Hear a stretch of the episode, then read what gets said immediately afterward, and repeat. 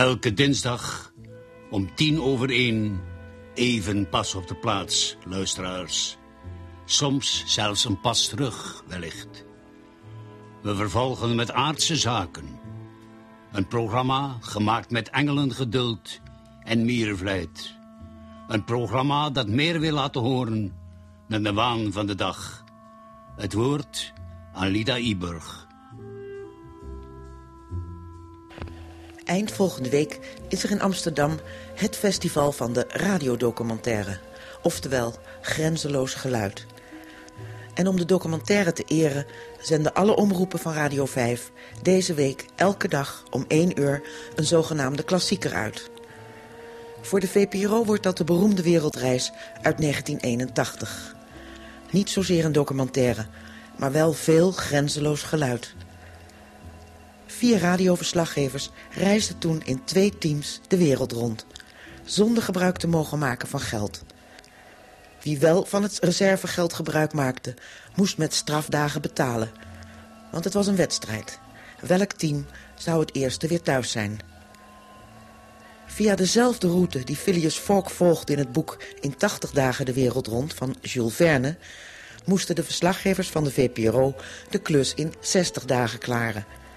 Al ritselend, regelend en sjoemelend, terwijl ze elkaar ook nog konden dwarszitten. Half Nederland hing die zomer aan de radio. En leefde mee met Tom van der Graaf en Jan-Willem Donk. Het duo Jong en Blond. En met Ronald van der Boogaard en Roel van Broekhoven. Het duo Donker en Interessant. Van al die uren radio hebben we een compilatie gemaakt van drie uur. Dus de komende drie uur kunnen we de wereldreis, de wedstrijd... en het satanisch genoegen om elkaar dwars te zitten... nog een keer beleven.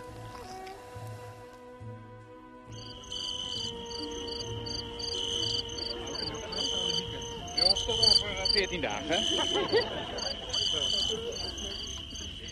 Zijn jullie nou eindelijk echt zenuwachtig? Ik sta wel een beetje te trillen, ja. Oké. Nee. Nu dan? Ja, champagne op of niet? Het, Het moet nu echt. Het spijt me reuze. Ophoepelen, Nu. We gaan eh, een paar stapjes nog vooruit. En omdat we moeten nu eigenlijk dus een echt officieel startschot laten klinken. Maar pacifistisch als wij zijn, houden wij niet van pistolen. Dus we hebben hier een paar vrolijk gekleurde ballonnen bij elkaar eh, gezet. Opgehouden door de Eurosafe, eh, eh, onze man die hier alles buitengemeen streng in de gaten houdt. Hoe laat is het nou precies, eh, meester Spicht? Dit moeten we wel even vastleggen, hè? het eh, echte moment van vertrek. Het is eh, vijf minuten, bijna vier minuten voor één. Drie voor één op dit moment. Zo, hier komt langs Tom van der Graaf. Seljuk. Dag Tom. Echt heel veel succes en doorlopen. Oké. Valt er geen startschot? Ik kan... Ja, Nee, nee, nee, jij bent de eerste. De eerste startschot, ballon. nee, nee, het, startschot moet nog vallen per, per, ballon. Nee, per Ik ballon wens mag je je het. veel sterkte en heb bewondering voor jullie moed. Dankjewel. Jan-Willem Dolk. Nou, Dat heel veel succes. Dag. Nou, Wij zijn binnen 55 dagen terug. Dag. Dat verzeker ik je. Opschieten, anders 57 zitten jullie midden in de ster. Dat is zonde. Oké. Raar. Dag. Neem een aapje voor me mee, hè? Eh, nee, ik Opschieten. Niks op gedag zeggen. Ronald.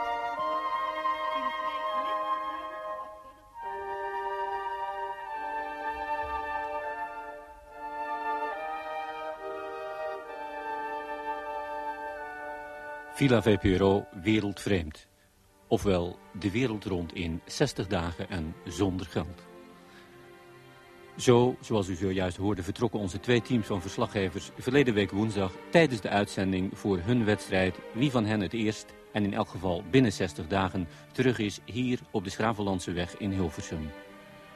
Twee teams. Team 1, donker en interessant, Ronald van der Boogaard en Roel van Broekhoven die verleden week van onze luisteraars 68 stemmen kregen in de weddenschap over de vraag wie van hen deze strijd gaat winnen. Team 2, Jong en Blond, Ton van de Graaf en Jan-Willem Dolk die 65 stemmen kregen. Wie gaat de strijd winnen?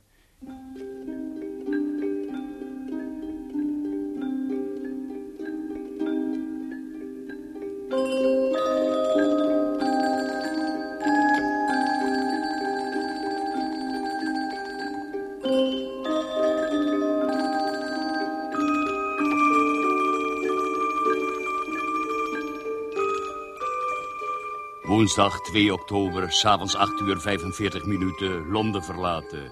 Donderdag 3 oktober, s morgens 7 uur en 20 minuten te Parijs aangekomen. Parijs verlaten donderdagmorgen om 8 uur 40 minuten. Te Turijn over de Mont-Cenis aangekomen op vrijdag 4 oktober, s morgens om 6 uur 25 minuten. Turijn verlaten op vrijdagmorgen 7 uur 20 minuten. Zaterdag 5 oktober, s middags 4 uur te Brindisi aangekomen. Met de Mongolia verder gereisd op zaterdagavond 5 uur. Te Suez aangekomen woensdagmorgen 9 oktober 11 uur. Totaal uren van de reis 156,5. Totaal aantal dagen 6,5. Falk schreef deze data op in een reisboek verdeeld in kolommen die aanduiden van de 2 oktober tot de 21 december de maand, de dag, de uren van aankomst volgens het schema en de werkelijke uren van aankomst in de hoofdstations Parijs, Brindisi, Suez, Bombay, Calcutta, Singapore, Hongkong, Yokohama, San Francisco, New York, Liverpool, Londen en waarop men tevens kon aantekenen de gewonnen of verloren uren in elke plaats die men passeerde. Door dit praktisch ingerichte reisboek konden zich dus van alles... In het voetspoor van Jules Verne's held Phileas Fogg, maar dan zonder geld. Twee teams verslaggevers, liftend, werkend, chaggerend en sjoemelend de wereld rond. Ze moeten in ieder geval de volgende plaatsen aandoen. Istanbul, Bombay, Singapore, Yokohama, San Francisco, New York en Londen. We hebben ze geld meegegeven, maar voor iedere 60 gulden die ze per team besteden, wordt één strafdag bij de reistijd opgeteld. In totaal mogen ze inclusief die strafdagen niet langer dan acht weken over de reis doen. Woensdag 3 juni. De teams zitten op het terras van een bekend café te Hilversum. Daar worden de eerste contacten gelegd. Roel en Ronald sluiten een contract af met de Wereldomroep. Dat levert hen 1200 gulden op. Bovendien maken ze een afspraak met de NOS om wekelijks bijdragen te leveren voor het programma Met het oog op morgen. Diezelfde middag kunnen ze dat geld ophalen. Nou, als je er met Gijs Wanders een afspraakje maakt over uh, wat er vanavond bij ons gaat Maar je moet wel hier voor vier uur mee bij de kast zijn, want anders is de kast gesloten. Gaan we dat eerst maar even doen? Nou, we spreken met Gijs af. Ik moet ergens tekenen, hè, waarschijnlijk. Waar wilt u het hebben? Hier? Alsjeblieft. Dit moeten we bewaren. Het contract. Ja.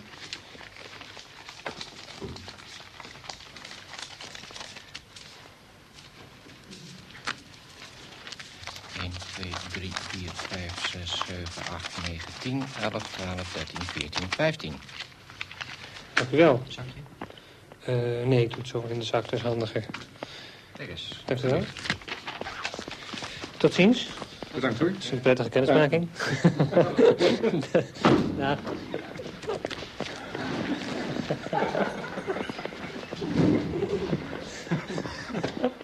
voel me meer dan ooit een kwaai jongen als je hier zo naar binnen komt.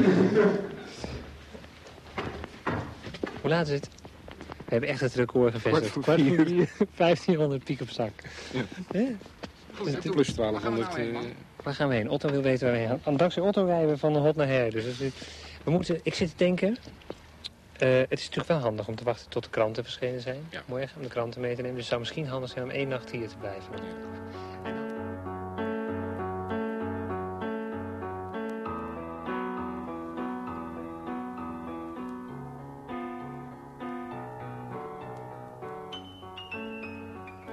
Roel en Ronald slapen de eerste nacht in Weesp bij ene Otto. Ze hebben geld verdiend en kopen treinkaartjes om de volgende ochtend naar Istanbul te vertrekken.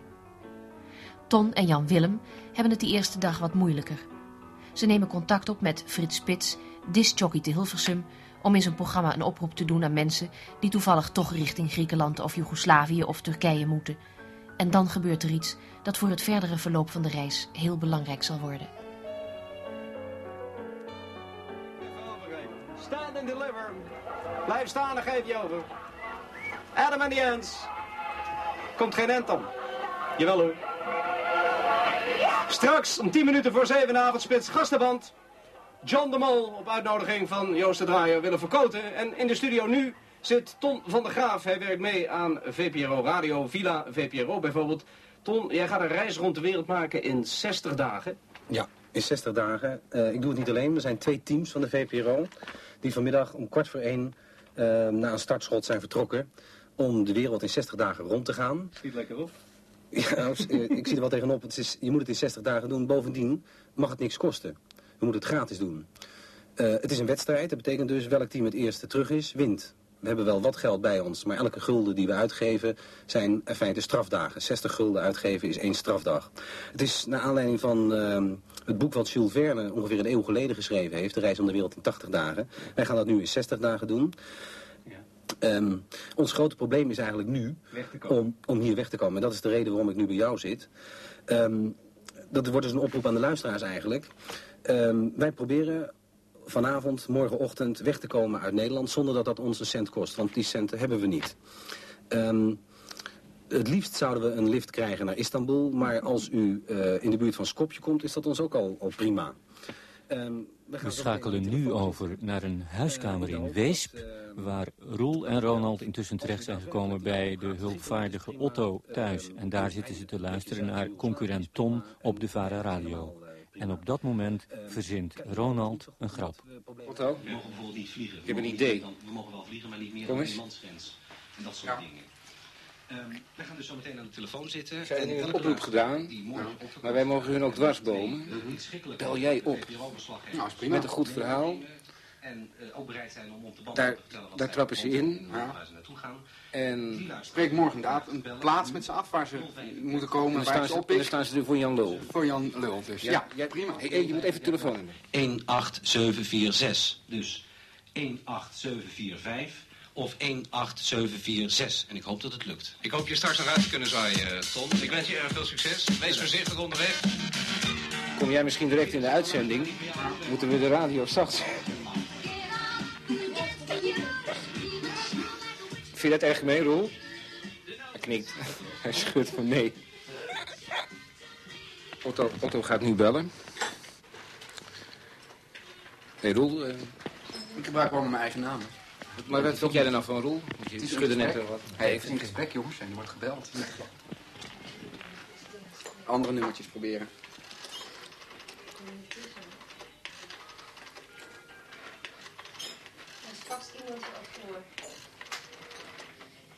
is niet te open.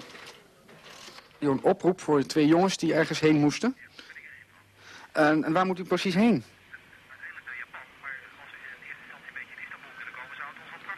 En, en heeft u wat aan Ankara? Want wij, wij, ik ben namelijk zakenman en ik vertrek dus morgen naar, eh, naar Ankara. Waar ik eh, nou zaterdag, zondag hoop aan te komen. Ik ga per auto, ik heb een privéauto. Ja, ik rij eh, zo eens in het half jaar rij ik op en neer daar naartoe voor, voor wat zaken. Ik zit in de kleding. En ja, mocht u daar interesse in hebben, dan... maar ik, weet- ik weet dus niet precies wat, wat van uw kant de bedoeling is. En of... Ja. Nou, ik vertrek morgen en eh, ik ben dus wel van plan een, een beetje aan de redelijke kant weg te gaan. Dat houdt in zo tegen een uur of tien. En eh, ik woon zelf in eh, Bussum. Ja, maar ik, eh, ik kan eventueel eh, u contacten in, eh, nou, dat zeg het Centraal Station in Hilversum. Ja. Nou, En ik, eh, ik de grap die de lukt, want het trapt erin. Joh, Ankara, zover had ik nog nooit gerekend. En die gaat dan met een luxe auto ook. Ik heb hier voor een, een firma van acht uit Rotterdam. Er gaan vijf vrachtwagens vanavond naar Istanbul. Vijf? Ja. Oh, dat is ook interessant. Ja, kijk eens, deze gaat naar, en naar Ankara. En een luxe wagen. En een luxe wagen.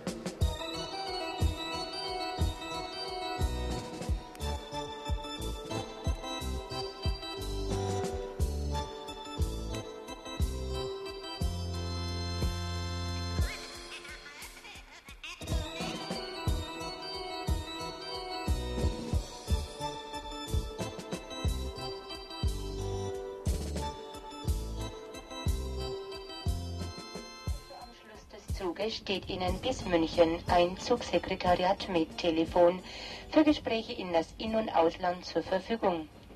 Für die ersten fünf Gesprächseinheiten werden 4,50 Mark berechnet. Jede weitere Einheit kostet 50 Pfennig. Die Schreibgebühren sind 5 D-Mark je angefangene Viertelstunde.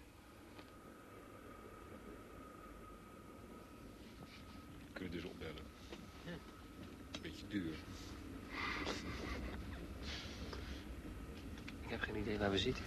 We zitten tussen Frankfurt en Würzburg. En het is ongeveer 1 uur in de middag. 4 juni. Lunchtijd. Hmm. Halverwege zijn. Ik heb lekker gegeten. Daar moeten we het even over hebben, het eten. Maar hoe heten jullie? Van Kerkhoff. U heet Van Kerkhoff. Familie van Kerkhoff, ja. U heeft het verhaal gelezen in het Algemeen Dagblad vanochtend. U heeft het verhaal gelezen Ja, ja, in het ja, Algemeen ja. Dagblad vanochtend. Ik Ja, vind het ja. ook zeer interessant. Wat zei u? Ik vind het ook zeer interessant. Maar u weet Ik ook... heb een hele zware opgave de heren. Ik zeg, het is nu 1 uur, hè? het is lunchtijd. Ja. En uw mevrouw, u heeft net eh, een soort picknickmandje op tafel gezet. Ja, ja, dat hoort er ook bij, hè?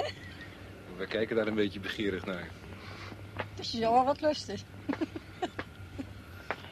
Als u nou die, eh, die kleinkinderen de groeten doet, wordt dat volgende week woensdag uitgezonden. Mogen wij misschien wel een greep in het mandje doen. Natuurlijk. Voor wat hoort wat, hè? We moeten een beetje een afspraak maken. Wat zijn hoeveel kleinkinderen? Vijf, hè? Vijf, ja. En eh, als we nou per, Balletje gehakt zie ik daar. per, kleinkind, gehakt ja, per kleinkind één greep. Dus dat betekent dat we vijf grepen mogen doen in het mandje. En dan mag je kiezen ook. Maar in een mandje. In het wat? Greep in het mandje. Ja, nee, we houden het... eh, Voor je, in ruil daarvoor doen jullie dan nu de groeten? Ja. Ja. Kunnen we dat wel maken? Ik vind het wel een slim idee, want we kunnen dat natuurlijk veel vaker gaan verkopen. hè. Overal waar we in het buitenland zijn, laten we mensen de groeten doen. Dan zeggen we van nou, één appel kost één groet. Of één groet kost één appel. Of is dat een beetje een lage prijs? Ja, een beetje laag natuurlijk. Laat mama maar doen. Mama doet. Eh, moet ik ze al de namen noemen dan?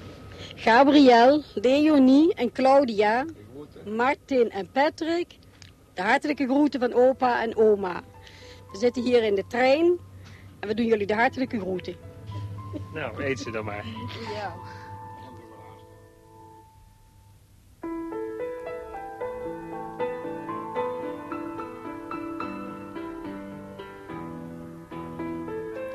Zaterdag 6 juni. Roel en Ronald, het team Donker en Interessant, zitten in Istanbul. Ze krijgen een diner aangeboden van de Nederlandse consul daar en kunnen met een Nederlandse vrachtwagenchauffeur mee naar Ankara. Dat gaat goed. Ton en Jan Willem, het team Jong en Blond, zit die zaterdag nog steeds in Nederland. Ze hebben wel een contract gesloten met de BRT, wat hen 1500 gulden oplevert. En ze kunnen, na een aantal dagen vertwijfeld te hebben rondgelopen, meerijden met een Turkse zakenman. Eindelijk echt weg. Het is zaterdagmorgen, 12 uur, net voor 12. We zitten in de trein op weg naar Almelo. Het is nu de eh, vierde dag van de reis. En verdraaid. We, zitten op, we zijn op weg naar Almelo. Wat? En nog 54 dagen te gaan. Ja. Ehm, wat we inmiddels weten is dat ehm, Ronald en Roel een half uur geleden in Istanbul zijn aangekomen. Als zij tenminste de trein hebben genomen op donderdagmorgen. Dat betekent zij te Istanbul en wij in Almelo. Dat lijkt erg. Maar ehm, dat is niet voor niks. Nou, en daar wou ik het maar even bij laten. Wij zijn op weg naar Almelo, omdat we daar in de busrest, eh, busrestaurant, bij een wachterhuisje van de bussen, hebben afgesproken met ehm, een Turk die goed Nederlands spreekt en op weg is, gaat eigenlijk, naar Istanbul. Hij werkt voor een vrachtwagenbedrijf in Nederland en hij eh, is een soort eh, zetbaas van dat vrachtwagenbedrijf in Istanbul. Hij regelt dus alle eh, vrachtwagens die gaan richting Bagdad, Karachi enzovoorts. We zitten nu enigszins nerveus, mag ik wel zeggen. Op een terrasje bij eh, de plaats waar in Almelo de bussen bij elkaar komen. Eh, ja, we zijn wel zenuwachtig, omdat het is inmiddels kwart voor twee.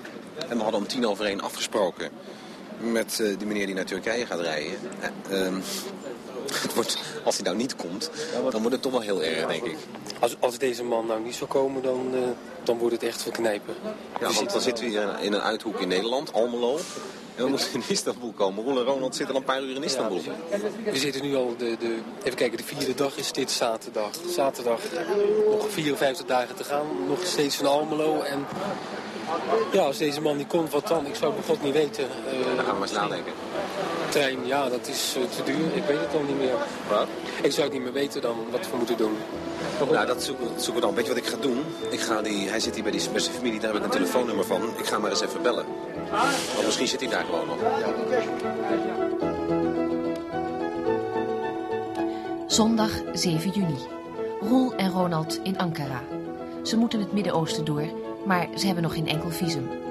Ambassadeur Karstens doet zijn best. Het cocktailcircuit. En wie gaat u nu bellen? Nou ga ik bellen aan de sociale attaché. Die, als hij thuis is tenminste, misschien weet, misschien iets weet... omdat hij hier veel langer zit.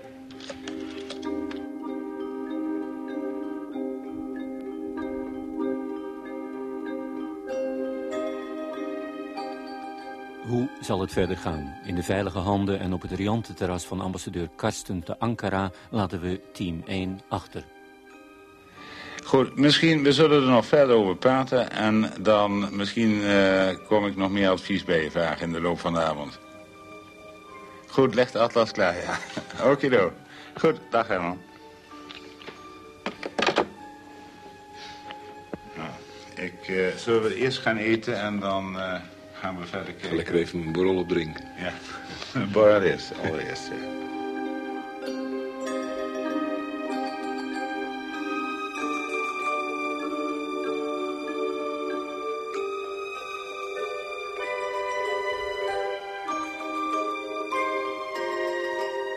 Maandagmorgen 8 juni.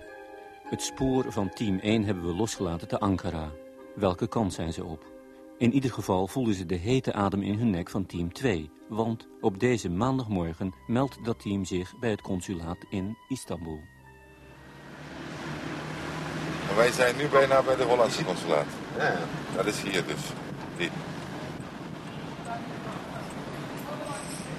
Hier met het groene hek, oh ja. Ja, verdomd, chemin tendre staat er. Ja hoor. Groot groen hek. Met van die punten. De Turkse portier die gaat, komt de deur open doen. Dan mag niet iedereen binnenkomen. Nee, dat zal best. Dat is een uitzondering voor ons. Ja, ja. Omdat jij, jij komt hier ook vaak. Heel vaak. Ja, ja. Nou, een statig wit gebouw. Doet een beetje koloniaal aan, vind je niet, Jan Willem? Ik zal ze hier dan... Uh... Auto in de schaduw zetten. Ja. Want straks is het helemaal bloedheet als wij terugkomen. Dag. Tom van der Graaf. Ik denk dat ik wel weet, Jan Willem, wat u hier komt doen. U bent op de hoogte van... Uh... Nou ja, ik heb, ja, inderdaad. Ik, ik vind u ergens even opnemen, het is ja, het kader nou, van het programma. Ja, maar het is heel erg, maar ik moet uit. U moet weg? Ja, ik moet weg. Ja. Bent u met uw eigen auto? Nee, uh, wij zijn meegereden. Ja. Met... Uh, ah. met echt een... zijn ze meegereden, van ja, Holland hier. van Holland tot hier toe. Ja. Nou, en nu? Nou, wij moeten... En doodmoe natuurlijk. Ja, maar wij moeten verder, want uh, ja. zijn, zijn, het andere team, zijn, is die hier... Ja, is die dat... zijn al door. Die is hier al geweest? Ja, die zijn door, ja. ja? En die zijn door naar Ankara? Ja. Dinsdag 9 juni. Roel en Ronald krijgen een visum voor Irak... en kunnen met de Nederlandse vrachtwagenchauffeur Peer Frerichs... mee naar het noorden van dat land. Ergens, achter in Turkije, gaat nog een andere jongensdroom van Roel in vervulling. Roel mag achter het stuur van de vrachtwagen.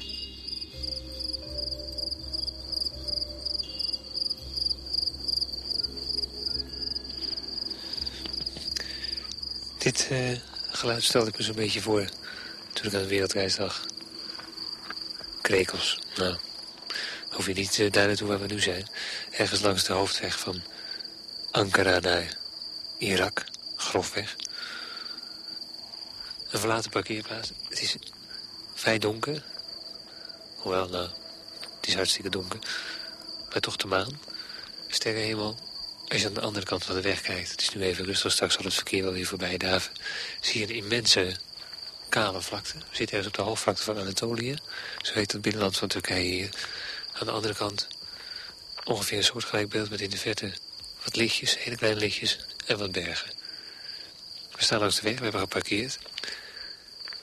Maar ik heb toch zo'n pakweg 60, 70 kilometer gereden. En ook in dat opzicht begint deze reis toch aardig af te wijken van die van meneer Phileas Fogg. Die alles geliefelijk, herinner ik me uit het boek, vanuit zijn luxe hut in het schip bekeek. Nooit naar buiten keek, wat paspartout zijn kreeg nogal bevreemden. Hij zat altijd maar binnen, hij scheen zich niet te interesseren voor wat zich buiten afspeelde. Hij had geen zin om naar de markt te gaan, geen zin om met de mensen te praten. Geen zin om met het land kennis te maken. Hij liet al zijn kleren, onderbroeken en sokken halen door paspartout. En hij zat binnen en maakte zich nergens druk om. Het begin van de reis dreigde ook even zo te gaan lopen. We zaten heel veel binnen, maar... Nou, dat is er nu in elk geval toch een beetje af. Het is werkelijk een gigantische wagen die ik net gereden heb. Maar dat is toch een jongensdroom, hoor. Eerlijk is eerlijk. Kijk, als ik nu begin te lopen, nu... dan zal ik zeggen, loop ik om die truc heen. Wanneer ik klaar ben met er omheen lopen. En als indicatie... Ik loop nog steeds. Als uh, kleine indicatie kan ik zeggen dat ik... Ik loop dus nu met een vrij stevige stap. Dat ik nu bij de voorkant ben ik met achter begonnen. Zal nu zo halverwege zijn. Gaat hij weer terug. 1, 2, 3, 4, 5, 6, 7, 8, 9, 10, 11, 12, 13, 14, 15, 16, 17, 18. Dan ben ik weer bij de achterkant. Nou nog even de breedte weer langs. Nu heb ik er omheen gelopen. Met een fikse wandelpas. En daarmee daverde ik met een jaar geleden mijn rijbewijs gehaald. Net over die piepsmalle wegen van Centraal Turkije. Nou, dat is avontuur. Vind ik wel. Toch, meer dan ik durf te bekennen. Dat is ongeveer wat ik me voorgesteld had. Even langs de weg stoppen in een volstrekt kale vlakte, wat hutjes in de verte. 38 ton net onder je kont uit, of 36 ton. De maan, op weg naar Irak of Kuwait of god maar weten wat. En binnenin zijn Ronald en Peer, want zo heet Peter nu wat familiaire zijn geworden. Want zo noemt iedereen hem in Brabant en in de Peel. Ronald en Peer zijn aan het koken. Campinggasje midden op het motorkap. Die motorkap zit binnen met dit soort vrachtwagens. Zij allebei op de stoel. En op het menu staat aardappelpuree, hamburgers. En ik meen instant karamelpudding. Nou, grote plezier kun je mij niet doen. De reis lijkt nu echt begonnen. Het huis begint.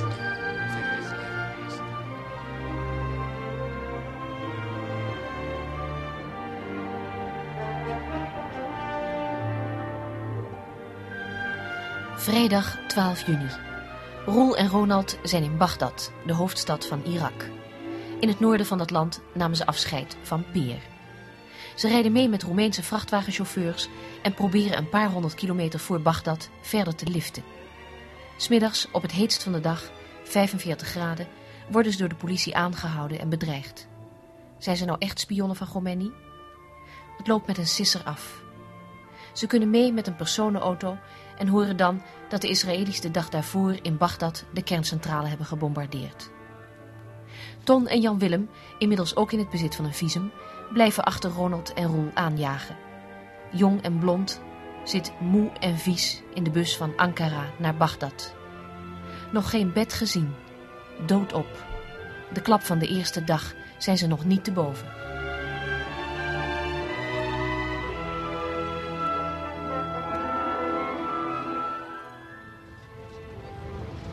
Het is nu ongeveer 6 uur vrijdag. Vrijdag is de zondag in uh, Irak. En ik schat we ongeveer een, uh, nou, we zal zijn 100 kilometer voor, uh, 100 kilometer voor Bagdad zitten. Ik zit helemaal dicht tegen Ton aan. Helemaal nat, zweterig. Weet je dat we nu met een kleine pauze van een paar uur, bijna non-stop 36 uur in die bus zitten. En waarvan dus twee, één nacht en twee volle dagen. En die dagen zijn het ergste, vind ik. Dat het zo ontzettend heet, uh, drukkend heet. Je kan echt nauwelijks een poot meer verzetten. En we hebben ook, uh, wat zo leuk is, we hebben net, we hebben net besloten om uh, het drinken van water... waarmee we in Turkije gestopt waren... en dus vanaf dat moment eigenlijk alleen maar uit ja, dingen die onder de kroonkurk zaten... te drinken. Net in die bus ja, die bus rijdt nu al een aantal uren non-stop. We hadden allebei een flesje cola, maar dat is nou op. Dus net hebben we voor het eerst maar uit een grote bak die hiervoor in de bus staat... water gedronken. Dat is een, een grote bak met ijskoud water... waar één beker in ligt waar iedereen uit drinkt. Ik weet het niet hoor. Ik denk dat je gewoon daar wat uh, meer voorzichtig mee moet zijn.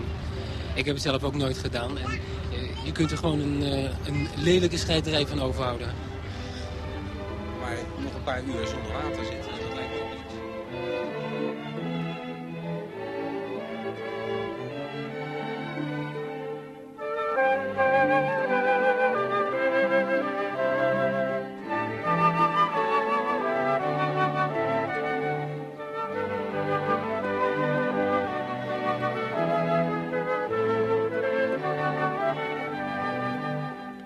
is zaterdag.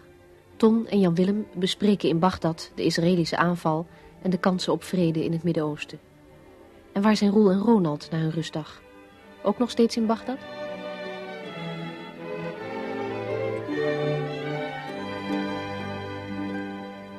Eh, Bert Verrijzen, de kanselier, snel naar de ambassade gegaan.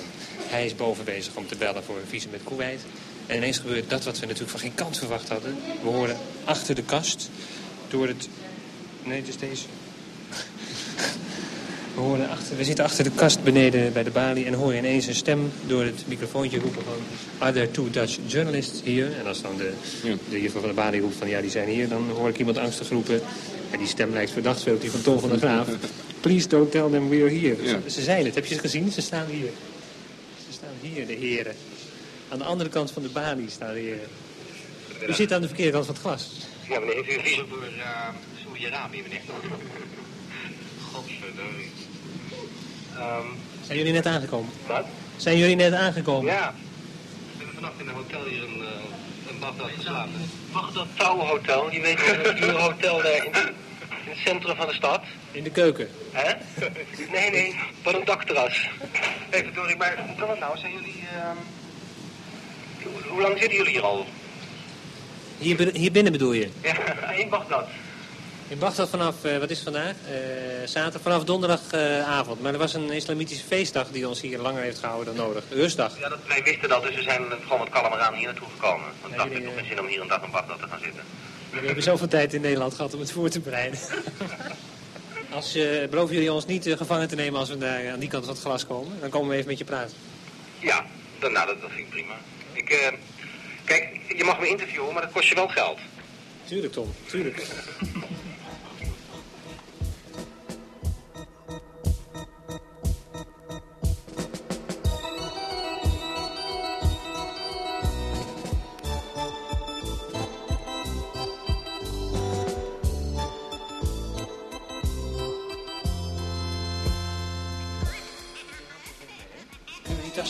hier neerzetten? Oh. Ronald. Dat is mooi, niet? Nu gaat er weer een duivelsplan treden in werken. Ach, ik zal ze slepen. Het is een kwestie van sneller wegwezen dan de anderen hier binnen zijn.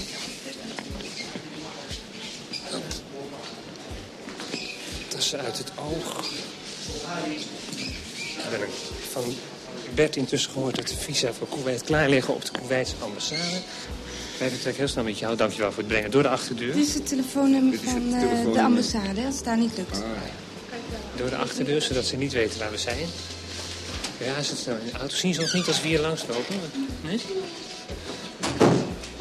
Ja, het gaat goed. En dan? Dit is Nink, hè? Wacht even. In de hoofd. Sluipen. Kom. Hou, nee, gewoon niet, niet hardlopen, dat valt op. Even zien.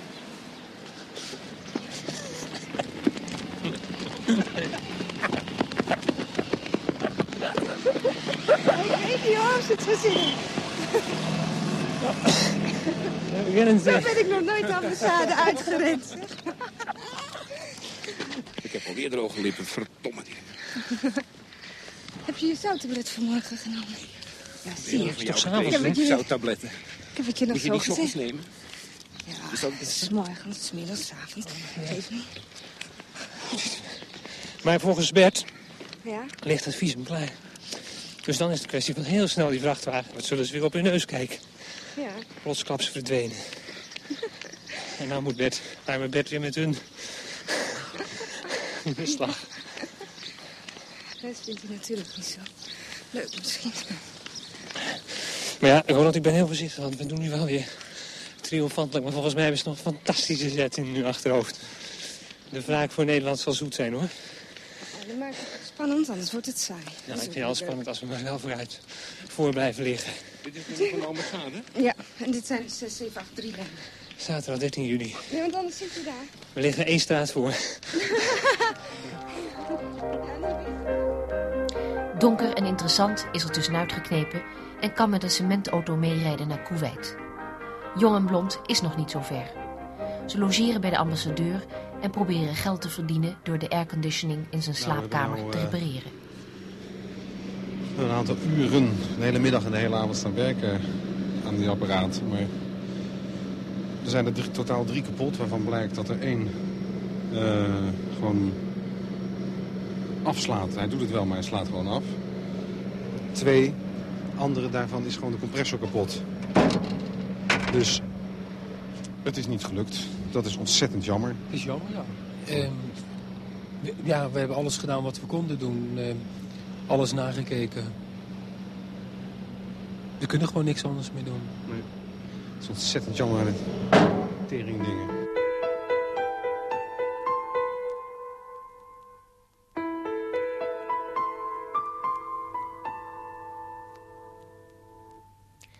Mislukt. Airconditioning nog steeds stuk. Geen cent verdiend. Maar ook voor Jong en Blond ligt er een visum klaar voor Kuwait. Ze gaan naar het vliegveld in aanbouw bij Bagdad en moeten een dag en een nacht wachten op een vrachtauto. Zonder eten of drinken.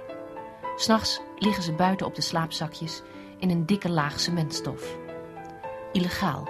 Het vliegveld wordt bewaakt door militairen. Irak is nog steeds in oorlog met Iran. Dat merken ze als ze met een cementwagen dwars door honderden kilometers woestijn de grens met Kuwait bereiken. Ze worden bedreigd door douanebeambtes. Filmrolletjes worden vernield, cassettes doormidden gebroken. De cassettes voor de uitzendingen worden niet gevonden. Die hebben ze verstopt in de schoenen. Na uren oponthoud mogen ze door naar Kuwait City. Roel en Ronald zijn er inmiddels al anderhalve dag. Ook zij hebben last van de hitte. Onderweg drinken ze water van de vrachtwagenchauffeur en eten in kleffe cafeetjes langs de weg. De basis voor een voedselvergiftiging is gelegd. In Kuwait kunnen ze gratis logeren in een gerenommeerd hotel. Eten en drinken krijgen ze echter niet. Ondertussen proberen ze op allerlei mogelijke manieren weg te komen uit het verschrikkelijk hete Kuwait.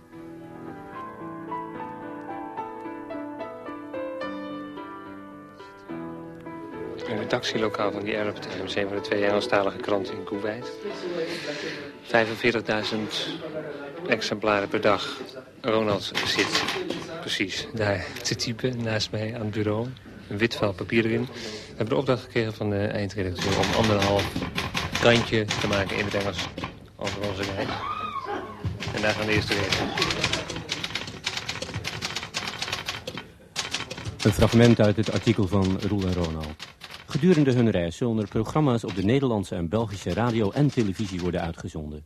Beide teams nemen hun avonturen op op de band en zenden die per speciaal vliegtuig naar Holland. Vanzelfsprekend doen ze intussen ook hun journalistieke werk. In Irak bijvoorbeeld waren ze de enige buitenlandse journalisten die rapporteerden over de zionistische aanval op de kerncentrale. Het wordt wel gelezen door Europees gerichte mensen natuurlijk, dat een Engelse krant. Maar wat ik het allerleukste vind... Het allerleukste vind ik dat morgen of vandaag Ton en Jan Willem hier in het land aankomen. Of zijn misschien al. De krant toevallig zien. Dan onze koppen erin.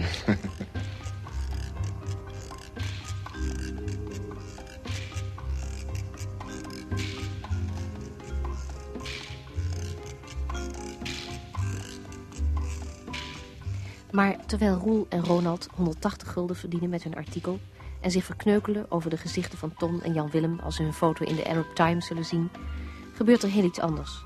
Want team 2 heeft via de chauffeur van de Nederlandse ambassadeur... die chauffeur hebben ze uitgehoord... en ze zijn te weten gekomen dat Roel en Ronald in een hotel logeren.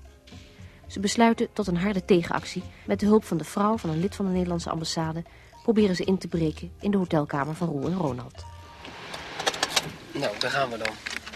Hier Bevend. Bevend dit in.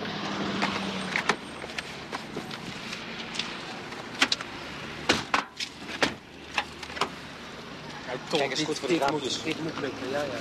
Ja, of ze hebben een andere kant. Kijk, daar die personeelsingang moeten we hebben. Zie je, dat is een personeelsingang. Doet. Good evening. Good evening. Good evening. Yeah, just we'll see you tomorrow. Okay. Ah, yeah, sorry. You are Mr. Samir? No. No, no, no, no. Yeah. It's wrong. Who Oh, 162. 162 is it.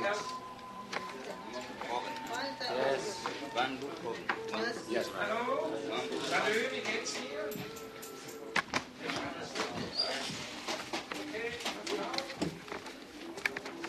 Jeanette, je bent een schat. We hebben tenminste de sleutel nu. Nee, dat weet niet waar het is hoor. Maar nee is eh, Ja, dat is gelijk. Jeanette, dat heb jij het spel niet goed gedaan. Ja, en ik dacht, weet nog niet eens welke. Nee, dat wisten we ook niet. Wat is, wat is het nou? 162 is het. Hey. We maken nu De deur open. de deur open. de dingen. Ja hoor.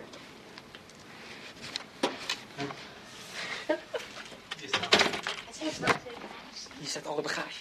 Ze hebben twee kamers, dus we hebben nog Ja. Dit is... Hebben ze twee kamers? Dit is het tasje van Ronald. Ja. Wat zit er Dat onderin? dat ze niet ver weg zijn. Ja. Nee, dat denk ik Nee, ook. ik, ik denk dat ze in het zwembad zitten. Staatssecretaris Toezicht, Volksgezondheid, Ticket. Het monsterboekje, ja, van de bovenheid. Die neem ik in ieder geval mee. Dat is een kaartje. Kasboek. Tom, heb jij tickets gezien? Nee, daar zullen alle belangrijke informatie. Paspoort? Nee, maar doe maar rustig. Ik hoop dat we niet betrapt worden, maar als we snel zoeken, missen we misschien alles. Tom, ik denk dat ze de belangrijke dingen meegenomen hebben. Ah, hier komt het. Dit is belangrijk. Die brengt er gewoon al niet. Tom, kijk eens. Wat is dat? Kijk, dat ik. Bombay.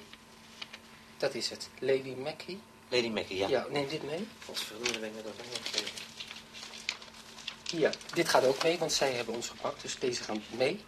Dear Mary. Ja. Consul Smits gaat mee. Nee, dat is niks aan. Dat is in in Istanbul. Ja. Hubert- Hubertus Vrijzer. Ja, wij ook. Bert. Waar haal ik die uit? Uit dat vakje, ja. Godverdomme, ook. dat zijn de belangrijke namen. Ja, Karachi. Lahore, Kassour. Dat is hun, hun plan. Dat zijn die belangrijke. Nou, hebben we ze. Ferozepur, Dit is Delhi, Restaurant Bombay. manager. Ik heb er niks aan. Ja, kom op. Dit is het. Oké, weggaan. Kijk, mijn klas. Niks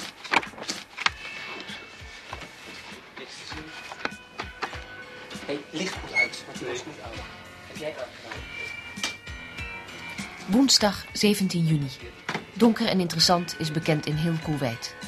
Hun verhaal is in twee kranten verschenen en ze zijn op de radio geweest. Ze hebben contacten op hoog niveau en ontmoeten een manager van een vliegtuigmaatschappij. I have two seats tomorrow uh, to Bahrain and Bahrain Bombay. Yeah, would you display Bahrain Bombay the Gulf Air 052?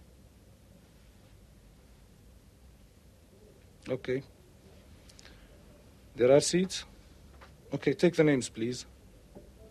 At what, at what time we will be in Bombay now?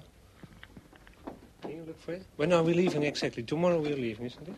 Yes, you're leaving from Kuwait to Bahrain at uh, on the GF 248, leaving 1800. You will get to Bahrain at 1900.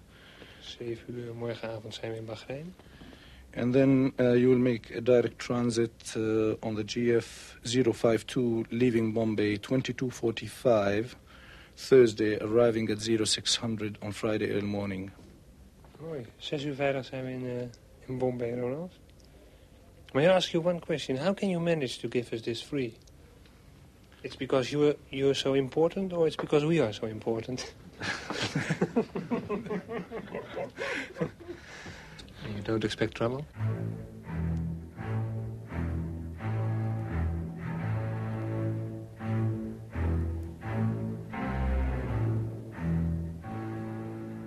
Donderdag 18 juni vertrekken Roel en Ronald per vliegtuig naar Bombay. Tom en Jan-Willem hebben de man van de luchtvaartmaatschappij ook aan de lijn gehad, maar hij wil maar één team een gratis ticket geven. Dus besluit Jong en Blond het geld voor een vliegtocht maar te gaan verdienen. Op diezelfde donderdag beginnen ze een tweedaagse carrière in de bouw. In 45 graden Celsius, zonder een zuchtje wind, werken ze van ochtends 6 tot avonds 6 aan het in aanbouw zijnde parlementsgebouw van Kuwait. Geprefabriceerde vloeren en muren worden door hen in stelling gebracht. Twee man, twee dagen, levert in Kuwait duizend gulden op.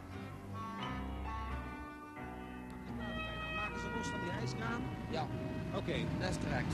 Goed, nou, zomaar, uh, wat mij betreft kan de eerste plaat komen. Het is, hier- het is hier inmiddels bloedheet, Jan Willem.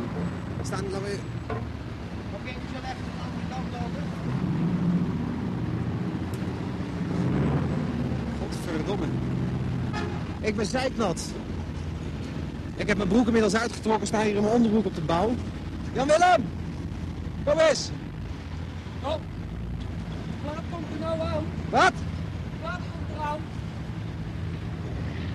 Ik laat hem naar jou toe komen. Ja? Dan moet jij die twee muren losmaken. Wacht even, ik, ik versta je slecht. Daar komt hij. De plaat, Wat? De plaat komt er nou aan. Moet jij die twee muren losmaken. Ja, kijk uit dat hij niet Maar valt ik hoor. even die goed in de gaten houden. Moet je tegen die andere twee platen aanzetten nou. Ja, ik doe wel. Hij komt Maar klim jij er dan op om het ik ding? Ik ik kan geef- daar niet bij. Ik geef hem even aanwijzingen dat hij een beetje naar beneden moet.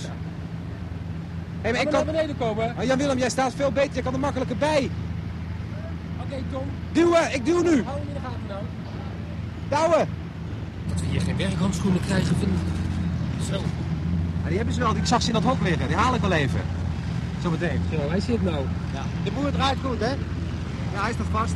Ja. Wat we nu gedaan hebben is... Een... Dan is het goed. Kolom kent erop. Ja, nou dan moeten we, we hebben nu een, een betonnen plaat van de hijskraan losgemaakt. Jezus Christus, dat is Ik het kan hem heet. omhoog nou weer. Ja, gaan. En we hebben vier moeren.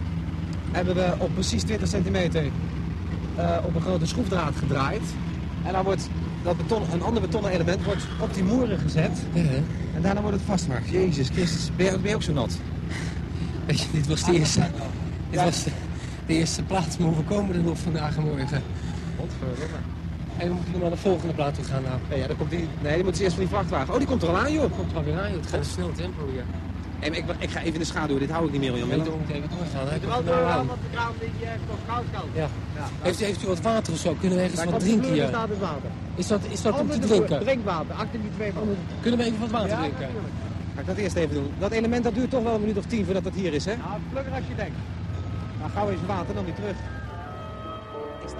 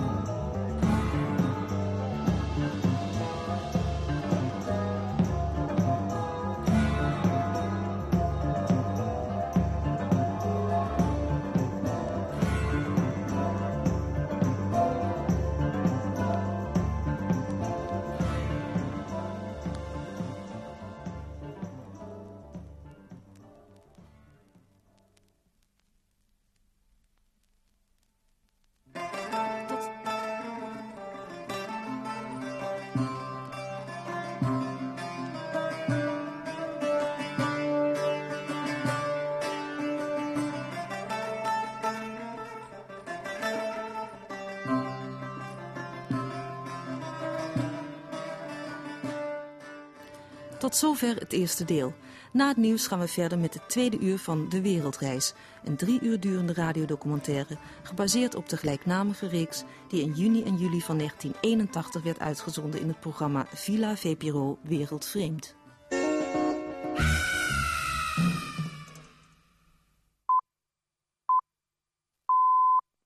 Twee uur, dit is de NOS met het nieuws. In verschillende plaatsen in het westen van het land wordt geld ingezameld door mensen die zich ten onrechte uitgeven voor collectanten van Greenpeace. De collectanten opereren vooral in de buurt van winkelcentra.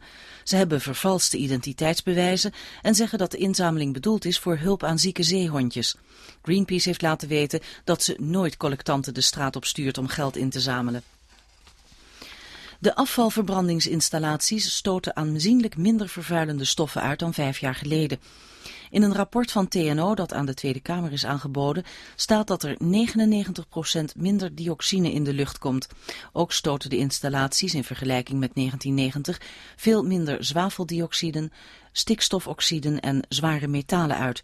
Volgens onderzoekers is het duidelijk dat de forse milieuinvesteringen die de laatste jaren zijn gedaan vruchten afwerpen.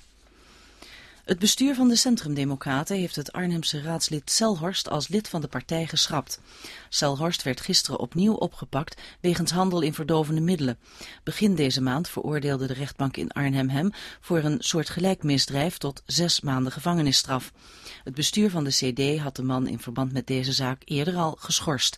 Selhorst kan wel op persoonlijke titel in de Arnhemse gemeenteraad blijven zitten. De Groningse politie heeft een einde gemaakt aan een miljoenenzwendel met graafmachines en tractoren. Drie leden van een familie uit Hoge Zand worden gezien als hoofdverdachten. Zij hebben volgens de politie machines verkocht zonder de leveranciers te betalen. Ook lieten ze graafmachines en tractoren stelen om die daarna te verkopen. Op die manier haalden de hoofdverdachten 3,5 miljoen gulden binnen. Een groot deel van de gestolen en verduisterde machines is weer teruggegeven aan de eigenaars. Het weer, het KNMI verwacht vandaag af en toe zon en hoofdzakelijk in het binnenland een enkele bui. Morgen van het noordoosten uit regen. Middagtemperatuur ongeveer 16 graden, morgen iets lager. Tot zover het nieuws. U luistert naar Radio 5. Dat u het maar weet, onthoud het. Ook volgende week is er van half acht des ochtends tot vijf uur in de middag weer een aflevering van VPRO's Dinsdag op 5. En nu is een programmaoverzichtje van Jet van Bokstel. Ja, straks na het nieuws van 4 uur kunt u weer luisteren naar Nat Zand. En dat gaat vandaag over dating. Maar nu gaan we eerst verder met het tweede uur van De Wereldreis. In het kader van het radiodocumentaire festival Grenzeloos Geluid worden deze week klassiekers uit de radiogeschiedenis uitgezonden. Vandaag bij de VPRO De Wereldreis. Een drie uur durende radiodocumentaire gebaseerd op de gelijknamige reeks die in juni en juli 1981 werd uitgezonden in het programma Villa VPRO Wereldvreemd. Een wedstrijd tussen twee teams van elk twee verslaggevers die zonder gebruik te maken van geld, sjoemelend, regelend en ritselend een reis om de wereld maakten in 60 dagen.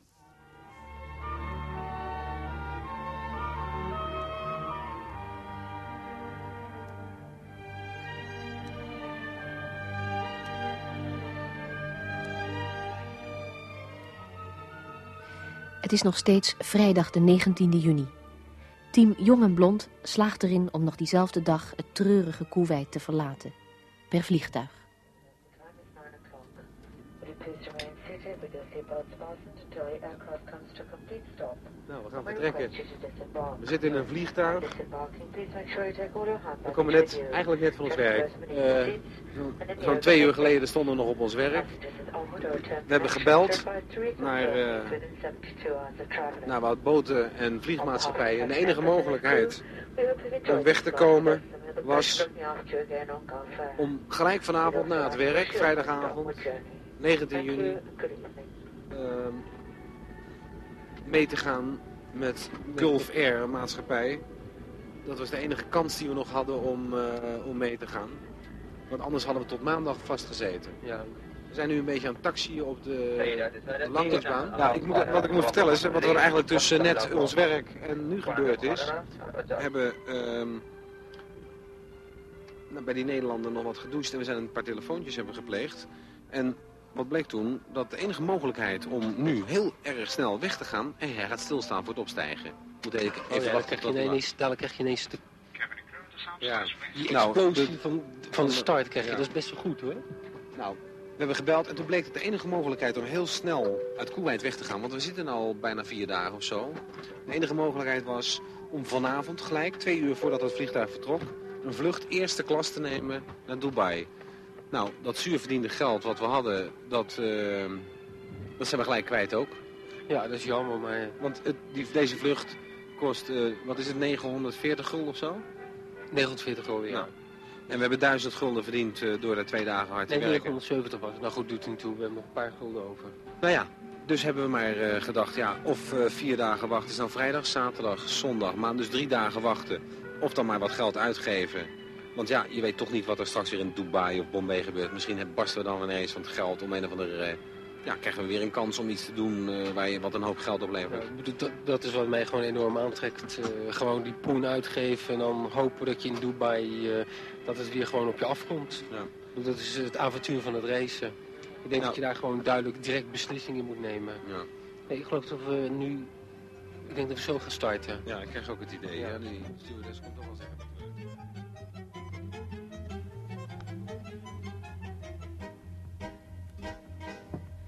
Zondag 21 juni. Donker en interessant zit al een paar dagen in Bombay. Geschokt door de ellende die ze daar aantreffen. Ze hebben het geld dat ze voor de wereldomroep verdienen bij onze man in Bombay opgehaald. In kas hebben ze op dat moment 1492 gulden en 23 cent. Ze hebben opnieuw in een plaatselijke krant gestaan en krijgen gratis een treinreis aangeboden naar Madras in het zuidoosten van India. Dit is hem dus. De Bombay Madras Express. We zitten er nu precies 12 uur in. En het valt mee en het valt tegen. Het valt tegen omdat de trein niet vanavond om 10 uur aankomt, maar morgenochtend om een uur of 7. En zelfs dat eh, lijkt erg optimistisch, want na 12 uur heeft hij al 2 uur vertraging. Maar het valt mee na alle verhalen die we over deze trein gehoord hadden. Het zou ontzettend druk zijn, het zou vies zijn, hutje op mutje, kortom. Een waanzinnig slechte ervaring en dat valt erg tegen. De trein is inderdaad heel erg druk. Maar het verschil is, wij hebben gereserveerde plaats. En dat betekent dat we hier met z'n zessen op eh, harde bankjes zitten. We hebben vannacht ook kunnen slapen op eh, korte, korte bankjes, 1,60 meter. De bagage onder het hoofdeind. Maar toch, ach, het, eh, gaat alles bij elkaar. eh, vind ik dat het wel gaat. Vind jij dat ook, Roel? Ik zit een jongetje aan mijn voeten nou met een lappie om de hele coupé schoon te vegen. Zie je dat? Dat valt me trouwens helemaal mee. Ik dacht dat die heel smerig zou zijn. Maar de wc in deze trein is minder smerig dan die in de trein van eh, München naar Istanbul. Bijvoorbeeld, om maar wat te noemen. Ik vind het wel gezellig eigenlijk. Ik zag er heel erg tegenop hoor, na al die verhalen. Niet alleen dat die trein schoon is, maar ook die mensen met wie wij bijvoorbeeld dit stukje van de trein delen. Niet echt een coupé. S'avonds, eh we waren er ongeveer een uur in. En toen de kaartjes gecontroleerd waren, deed iedereen een soort sarong om. En wrong zij onder de strakke Terlenka pantalon uit. En vervolgens ging het overhemd uit keurig in koffertjes. Ze hebben van die mooie platte diplomatenkoffertjes. En dan gaan de overhemd en de broek op de vouw in. De riemlosjes erbij. En dan hebben ze ook allemaal een kussentje bij zich. En dan worden de bedjes gevouwen. Ze het kussentje neer. En dan slapen ze allemaal. Het was, een, het was een beetje een tafereel wat je soms nog op stranden ziet. Hè? De mensen die zich dan een badhanddoek voordoen. Heel eh, voorzichtig om ook maar iets eh, schoon te laten. Het jongetje gaat er nou tussen ons in kruipen. Gaat hij de vloer schoonvegen. Het, het landschap eh, ja, vind ik niet zo exotisch. Beetje de Veluwe, hè?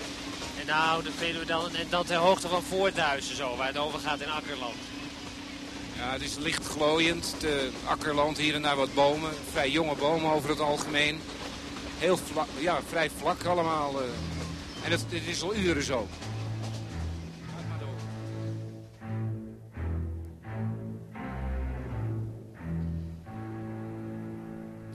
Nog steeds zondag 21 juni. Jong en blond is ook in Bombay. In Dubai proberen ze vergeefs een boot te krijgen. Ze verdienen nog wat geld door in een hotel de vaat te doen en besluiten dan vliegtickets te kopen naar Bombay. Ze komen daarmee in de rode cijfers. Een totaaltekort van 778 gulden en 30 cent. Wat neerkomt op 13 strafdagen, die bij hun daadwerkelijke reistijd zullen worden opgeteld als ze niet in slagen dat geld terug te verdienen.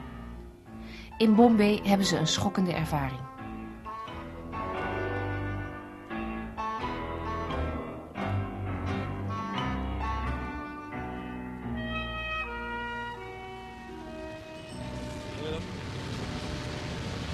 Vind het heel erg moeilijk om Bombay eh, te beschrijven, om een indruk te geven van Bombay als je er zo doorheen rijdt.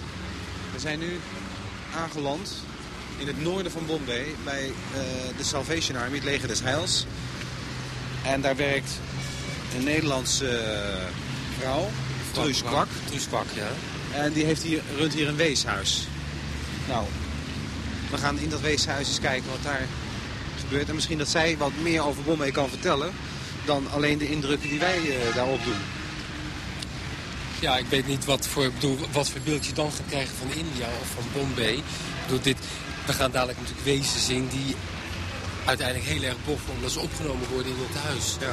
Wat, wat normaal gesproken niet het geval is, want die leven gewoon op straat en uh, worden op geen enkele manier geholpen. Ja, dat is waar. Maar dat kun je dadelijk allemaal van uh, Truus Vak horen. Ja, ik denk dat dat ze is. Ik hoor al Nederlands praten. Daar wordt Nederlands gepraat. Dag. Tom van der Graaf. Truus Kwak. Ja.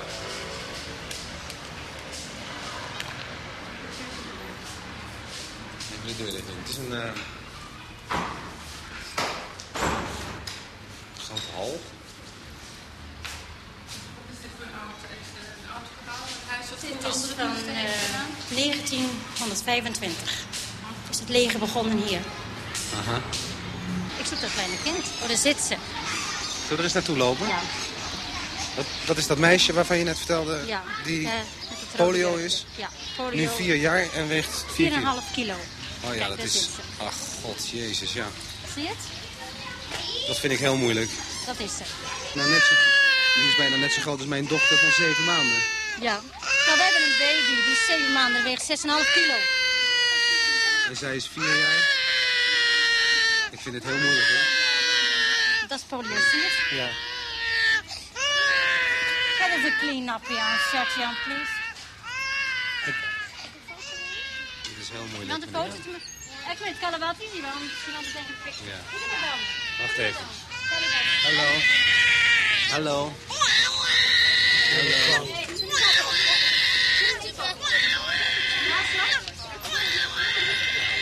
Hey, hallo. Ik heb nu de hand vast. Hoe moet ik dat kindje nou omschrijven? Ik heb een dochter van 7 maanden en die is precies even groot. Heel dun. Verschrikkelijk mager. Poliobeentjes. Hé. Hey. Ze zoekt uh, hulp. Ik heb de hand vast. Ze strekt nu de andere hand uit. In de hoop dat iemand anders die hand vastpakt. Hey.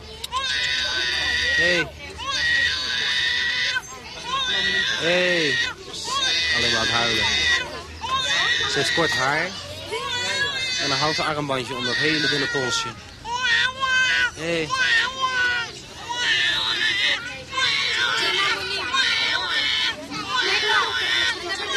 Ik kan dit eigenlijk niet aanzien. Ik vind het heel erg moeilijk.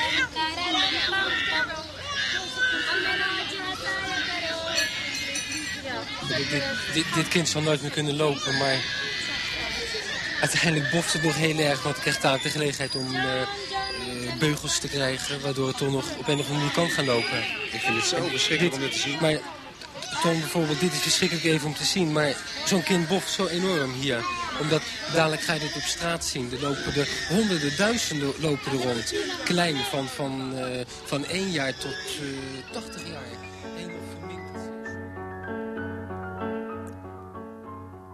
Woensdag 24 juni. Donker en interessant heeft het voor het eerst tijdens de reis echt moeilijk. Roel heeft sinds enige tijd voortdurend hevige hoofdpijn... die hem iedere dag urenlang uitschakelt. Ronald heeft diarree. Alle twee hebben ze koorts. In Madras logeren ze bij Wim Blazen... die werkt bij de Food and Agriculture Organization van de Verenigde Naties. Wim kankert op de Nederlandse ontwikkelingshulp. Wij leveren dure trawlers die het bestaan van de 6 miljoen vissers in India aantasten. Zelf vissen de inlanders op een zeer primitieve manier. Boomstammen aan elkaar gebonden met touwen. Ondanks de ziekteverschijnselen besluit donker en interessant met de vissers mee de zee op te gaan. Participerende. Dit is, dit is echt participerende journalistiek. Op een houtvlot, een paar honderd meter uit de kust, in de golf van Bengalen, in stromende regen inmiddels.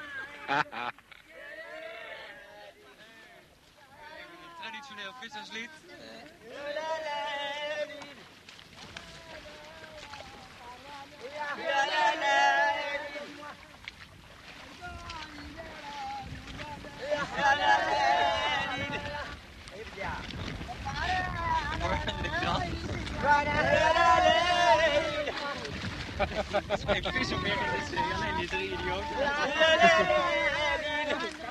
Inderdaad, alle vissers zijn op de kust. Die zagen de storm al aankomen, al een uur geleden, jongen. Die wisten dat het ging regenen. En wij lullen.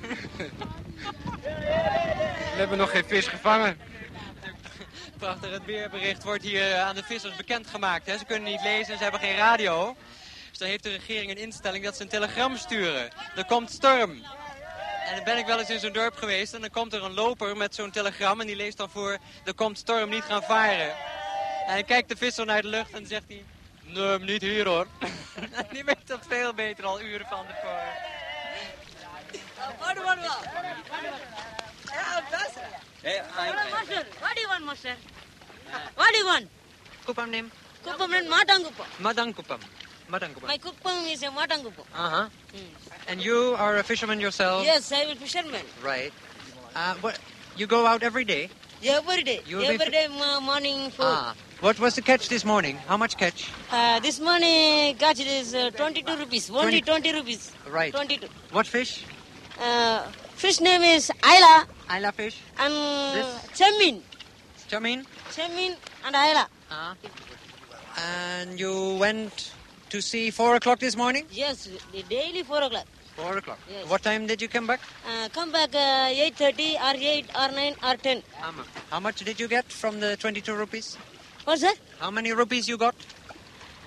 I got Yeah? 5 rupees only. 5 rupees. 5 rupees. And the other people? 1,50 vandaag. Nou, Villa VPRO vanuit de tijdelijke studio in de Golf van Bengalen. We bedanken de acht aanwezige vissers voor hun aanwezigheid. We bedanken Wim Blazer voor zijn aanwezigheid. Het verslag was van Roel van Broekhoven en Ronald van der Boogaard. Als ze ooit de kust nog halen, die inmiddels 300 meter uit het zicht is verdwenen. En de vuurtoren brandt. Ik heb, ik heb participerende journalistiek nooit zien zitten eigenlijk.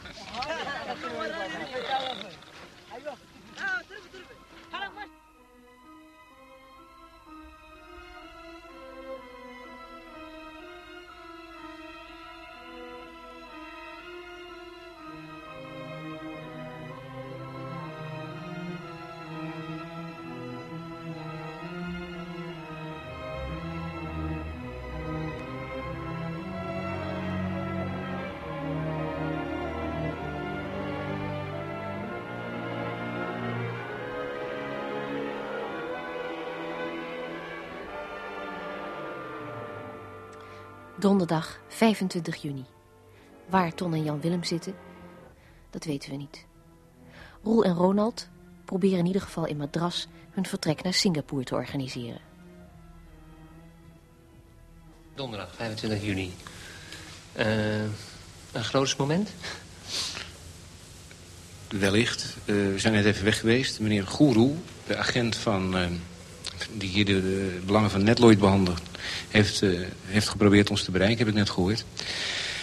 Dus ik ga maar even bellen. Hopelijk eh, zegt hij dat die boot naar eh, Singapore gaat. Aan boord van de Simonskerk dus. Heb je het nummer? Ja, dat heb ik. Hallo? Hallo? Mr. Guru? Yes, this is Holland Radio again, Mr. Van den Bogart. I heard you phoned. Yes? Hello? Yes? Aye. So the ship's not going to Singapore? To Cochin and then to Bombay? It's a pity. You're sure? Aye. Yeah, that's a pity. I understand. Yes. Okay, I understand. Waarmee we dus vijf dagen van Jan Lul in Madras hebben gewacht. Waarvan niemand al weet waar het ligt. En waarvan wij nou gewoon weken weten dat we nooit meer terug Je hebt gaan. het ook begrepen. In Singapore. Nou ja, hij zegt het schip eh, heeft hier een, eh, een klusje te doen. Blijft in India. Gaat eerst naar Cochin of Cochin. Dat, eh, Cochin, dat is een uh, havenplaats. Hij zegt aan de andere kant. En gaat vandaar naar Bombay. En wat er dan gebeurt, dat, dat weet hij niet. Maar de Simonskerk gaat dus niet naar Singapore. Hij, en hij zei er ook nog bij, nog naar Colombo. Waarmee, om in stijl te blijven van de introducties bij dit programma... waarmee de beide heren met de handen in het haar zitten... en niet weten hoe nu verder. En waarbij zij thans maar manmoedig besluiten dat geld geen rol speelt... en zij op hoog niveau zijnde in één Boeing 727 spoorslags naar Colombo vertrekken... al waarbij de heren verder gaan Waarom zien hoe het verder moet. Praat een beetje normaal. Ik moet even... eh, Dat is de Dick Trom aankondiging. Ja, ik moet even... eh, God, ik had er echt op gerekend, weet je dat? Ik had echt op gerekend. Ik vond die sfeer aan boord van dat schip zo leuk. En ja, die mensen waren, ja, waren best enthousiast. En eh, vonden het ook leuk als ze meegingen. En god... Ja, dat betekent dat we echt een paar dagen hier best hebben. Hè? Dus morgen half tien echt op dat vliegtuig naar Colombo moeten. Geld speelt geen rol. Kost wat kost, heet dat. Kostte dat ook weer 613 roepies, hè? Dus dat is eh slordige 200 gulden per ticket. Hakt er wel in, jong. 400 gulden.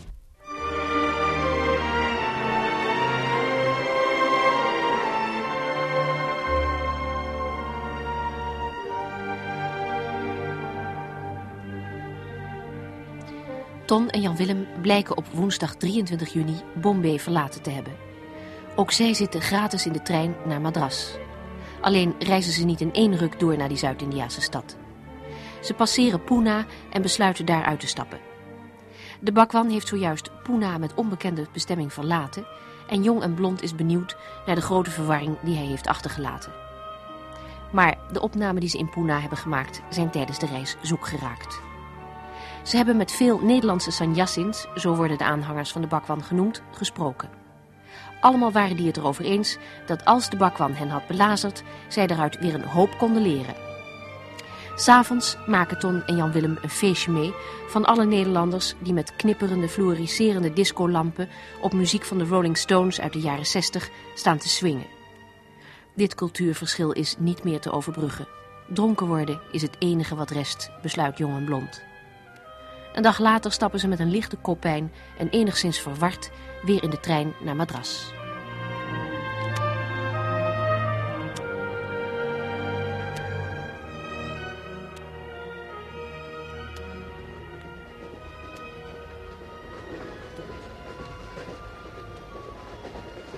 ...25 juni, s morgens 12 uur... ...in de trein van Pune naar Madras. Madras ligt helemaal in het zuiden van India, vlakbij eh, Sri Lanka, het voormalig Ceylon. Pune eh, hebben we verlaten, gelukkig wel. Want dat sfeertje daar, dat was me toch iets te lief eigenlijk. Jan Willem ligt achter een eh, trein grond op zijn slaapzak te slapen. En ik lig eh, boven, tegen het dak van een wagon. Zo'n bed wat aan de kabels in de lucht hangt. Ga ook zo slapen. We hebben ons net eh, vanochtend geschoren in een een of ander vies fonteintje hier. En dat was omdat we dachten, als we straks in, eh, in Madras aankomen, dan moeten we er fris uitzien. Straks schone kleren aantrekken. We hebben wel gemerkt dat dat vrij belangrijk is. De Indiërs die zijn ongelooflijk vrij. Ehm, we hebben ze geprobeerd uit te leggen waar we mee bezig zijn. En met wat foto's laten zien en dingetjes laten lezen. En als je dan je hand in je tas steekt om iets te pakken... dan komen er gelijk vijf of zes handen bij die dat mee gaan pakken. Alles wat wij in onze tas hebben zitten is interessant voor ze. Alles willen ze vasthouden. En toen ze eenmaal ontdekt hadden dat we een klein fototoesteltje bij ons hadden... toen was het hek van de dam, want toen moest er gefotografeerd worden. En we moesten onze adressen geven. En dan zouden zij ons schrijven waar ze woonden en waar wij een afdruk van die foto heen konden sturen. Heel grappig is dat eh, een Indiër een paar minuten geleden een uh, groot pak op het bed tegenover mij neerlegde. En daar zit is uh, omwikkeld met kranten en touwen eromheen. En dat, een van die kranten waarmee dat pak omwikkeld is, is de Indian Express van afgelopen zaterdag. Ik weet dat dat de Indian Express is, omdat ik hier boven tegen het plafond van een, de trein van Bombay naar Calcutta recht in het gezicht ligt te kijken van een lachende Ronald en Roel. Die daar met hun koppen in die krant van zaterdag zijn, zijn afgedrukt. Die man heeft die krant gebruikt. En ik lig nu ja, een beetje half te dutten. En tegen de, tegen de hoofden, de lachende hoofden van onze tegenstanders aan te kijken.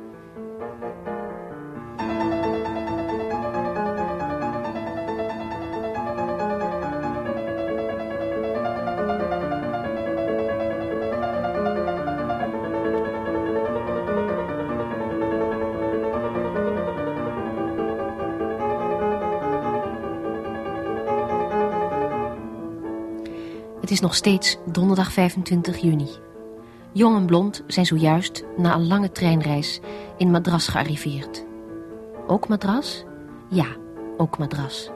De hete adem in de nek doet zich weer voelen. Zo. Het is vandaag donderdag de 25, 25 juni. De... Hoeveelste dag is dat van de reis op dit moment? Oh, de 22 De 22 e dag van de reis. We zijn net aangekomen op het station in Madras. We zitten nu weer in de bekende geel-zwart scootertaxi op weg naar een Nederlandse pater. Op weg naar een Nederlandse pater die uh, in uh, Madras hetzelfde werk doet wat moeder Theresia in Calcutta doet.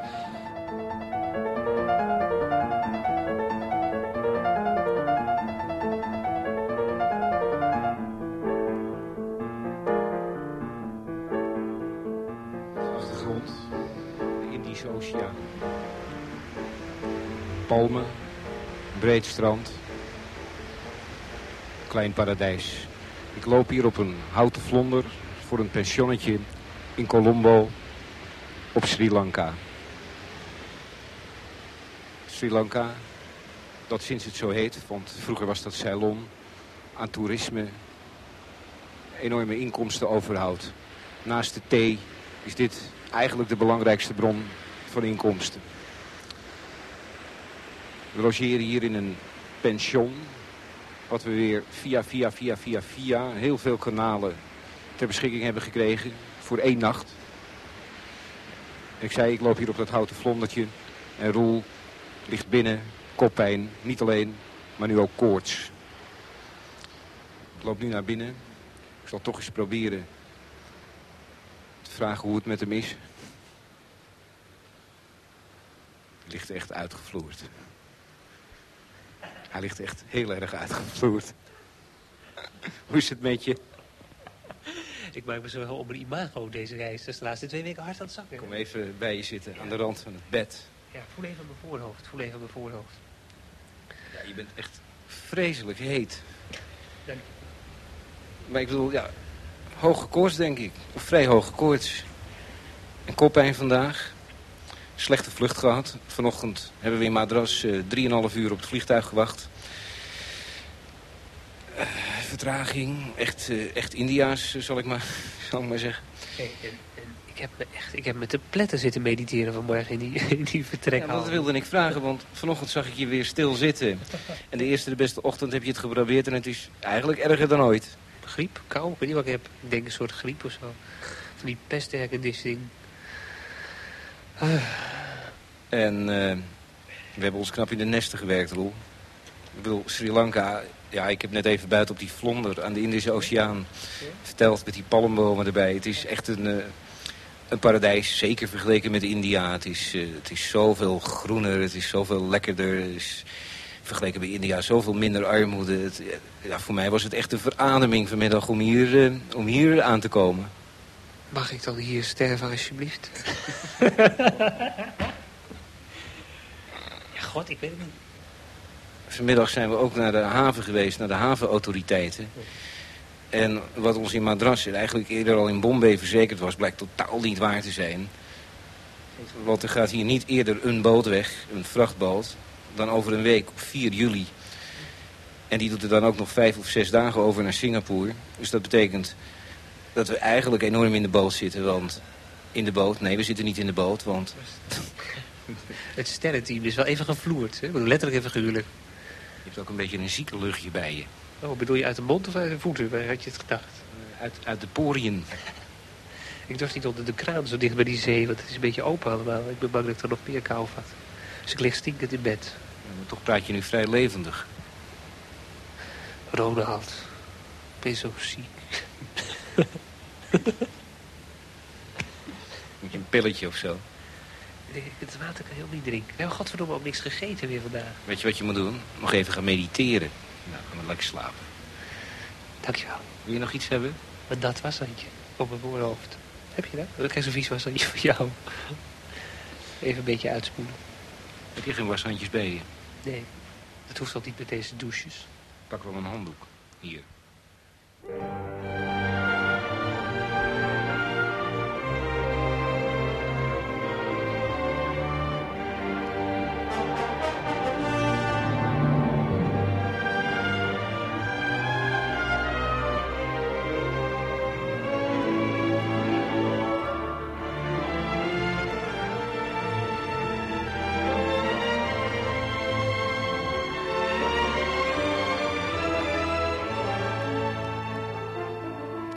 Donker en interessant op Sri Lanka.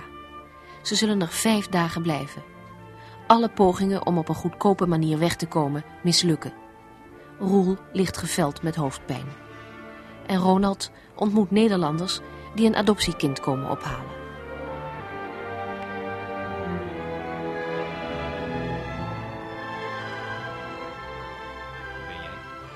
Ik ben mevrouw Hart. En wie ben jij? Mevrouw Nilles. En wie ben jij? Alexander Munninghoff. En wie ben jij? Ik ben Michiel. En wie ben jij? Ik ben Ellen Munninghoff. We zitten op een hotelkamer in Colombo op Sri Lanka. Met drie moeders en één vader. Die hier een kind komen adopteren. Zij hebben het kind al. Ja. En jullie moeten het nog krijgen. Ja, we moeten het nog krijgen. We zijn, eh, we zijn nu ook pas twee dagen. Maar we hebben het wel al gezien, hoor. We hebben het ook al in handen gehad en zo. En, En hoe oud is jullie kind? eh, drie weken, hè? Het is de vierde geboren. 4 juni. Dus het is ruim drie weken. Drieënhalve week. En dan kom je dan ineens op een, op een bureau. Hoe moet ik me dat voorstellen? Een, een huis? Nou, we zijn naar het huis van de advocaat gegaan. Hè? En daar wordt alles geregeld. Daar worden die kinderen ja, min of meer verdeeld. Het is nogal ondoorzichtig allemaal wat er zich afspeelt. Maar ehm, ja, daar kregen we dus te zien, wisten we. Maar eh, ik wist niet dat we het ook meteen ongeveer in onze armen zouden krijgen. Als zo'n kind nou tegenvalt, eh, ik bedoel, misschien bepaalde mankementen heeft. eh, Heb je daar rekening mee gehouden?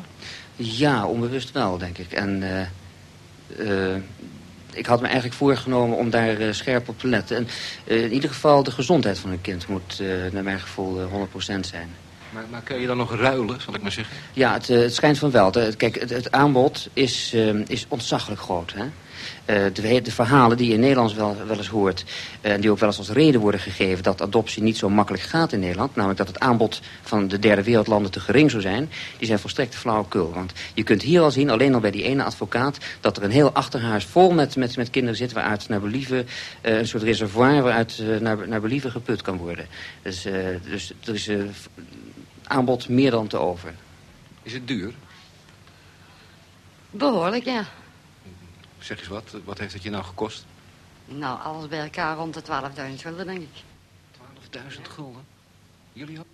Waar je natuurlijk erg veel over nadenkt. Stel nou, zo'n moeder wil zo'n kind over tien jaar terug hebben. Ja, dat zal moeilijk gaan, denk ik. Dat is op onze naam niet. Dus ik denk niet dat dat eh, zal lukken.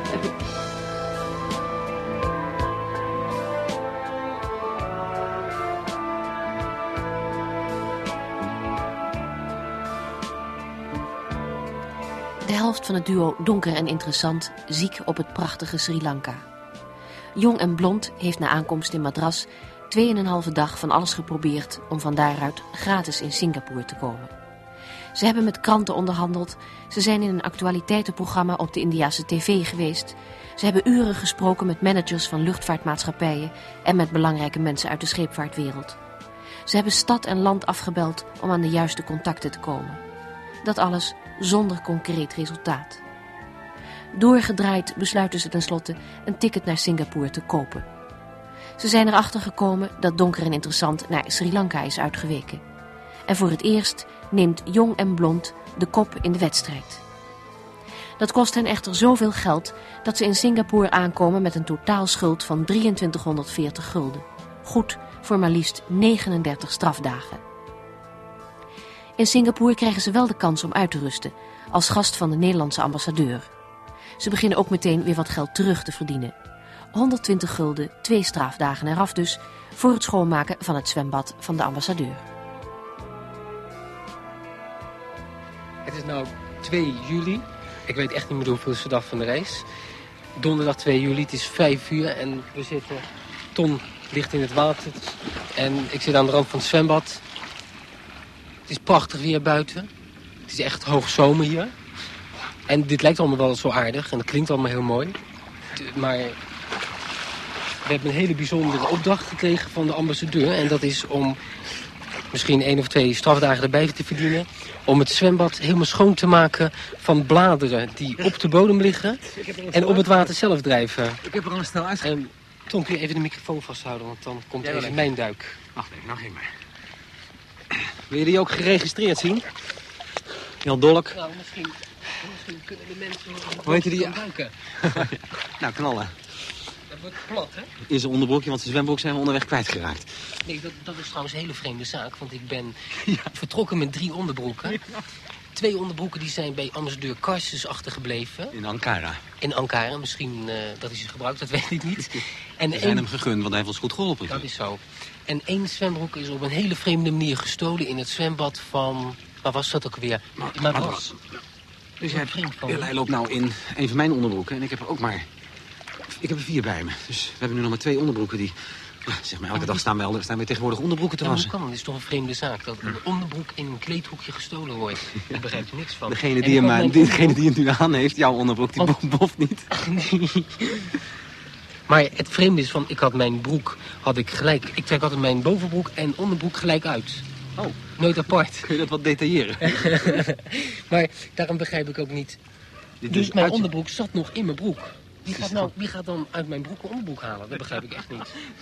Ik begrijp ook niks van, maar hij is echt weg. Ik heb het ook Ik heb gezien. overal gezocht. Iedereen heeft meegeholpen. Ja, een beetje gek dat op een gegeven moment de hele High Society van Madras naar een onderbroek aan het zoeken is.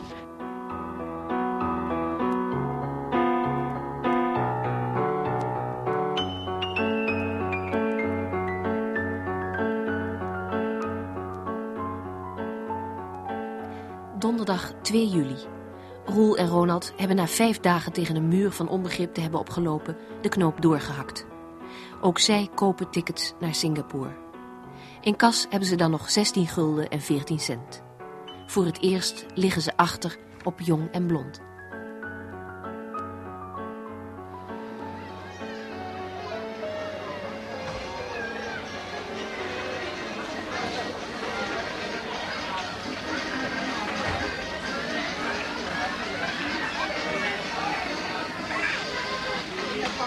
Hé hey, Ronald, we hebben nou een tijdje zitten bellen net.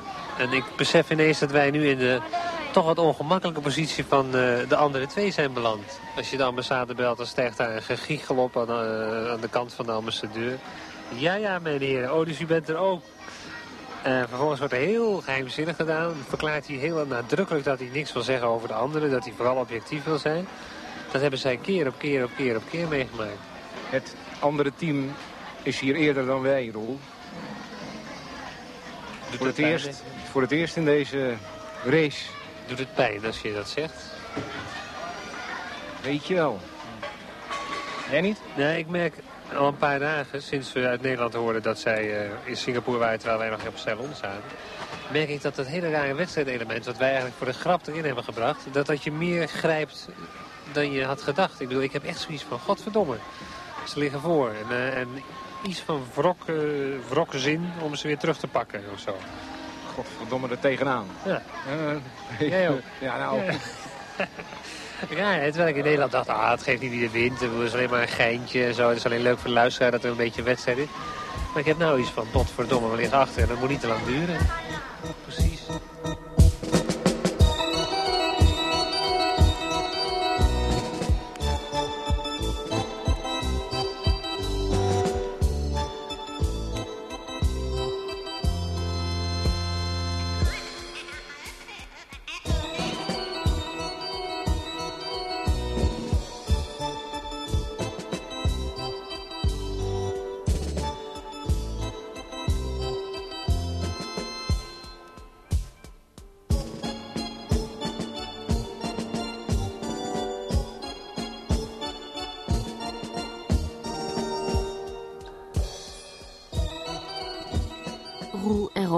Singapore.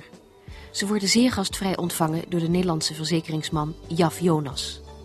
Ze verdienen 600 gulden voor een dagboek in NRC Handelsblad en vangen nog eens 200 gulden van de Wereldomroep. In een duur hotel in Singapore doet Roel een desperate poging om de rest van de reis op een goedkope manier te kunnen afleggen. Roel wil trouwen, want dat zou wel eens heel voordelig kunnen zijn.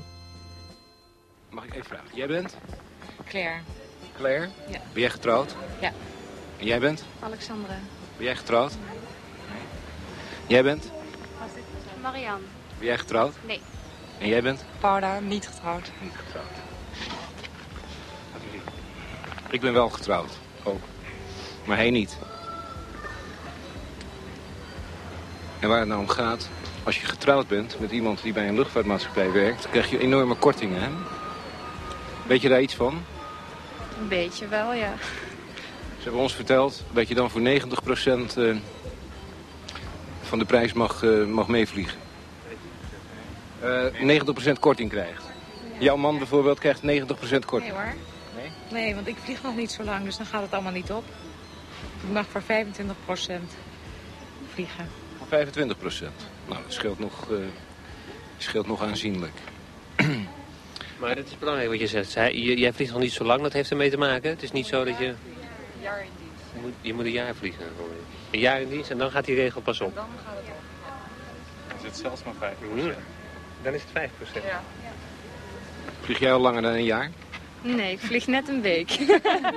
en jij? Bijna twee jaar. Bijna twee jaar. En jij? Bijna drie jaar. Bijna drie jaar. Dat is steeds spannender. Waar gaat het nou naartoe, het verhaal, denk je? Enig idee wat we willen gaan vragen? Geen idee. Je hebt toch geen huwelijk of zo, hoor?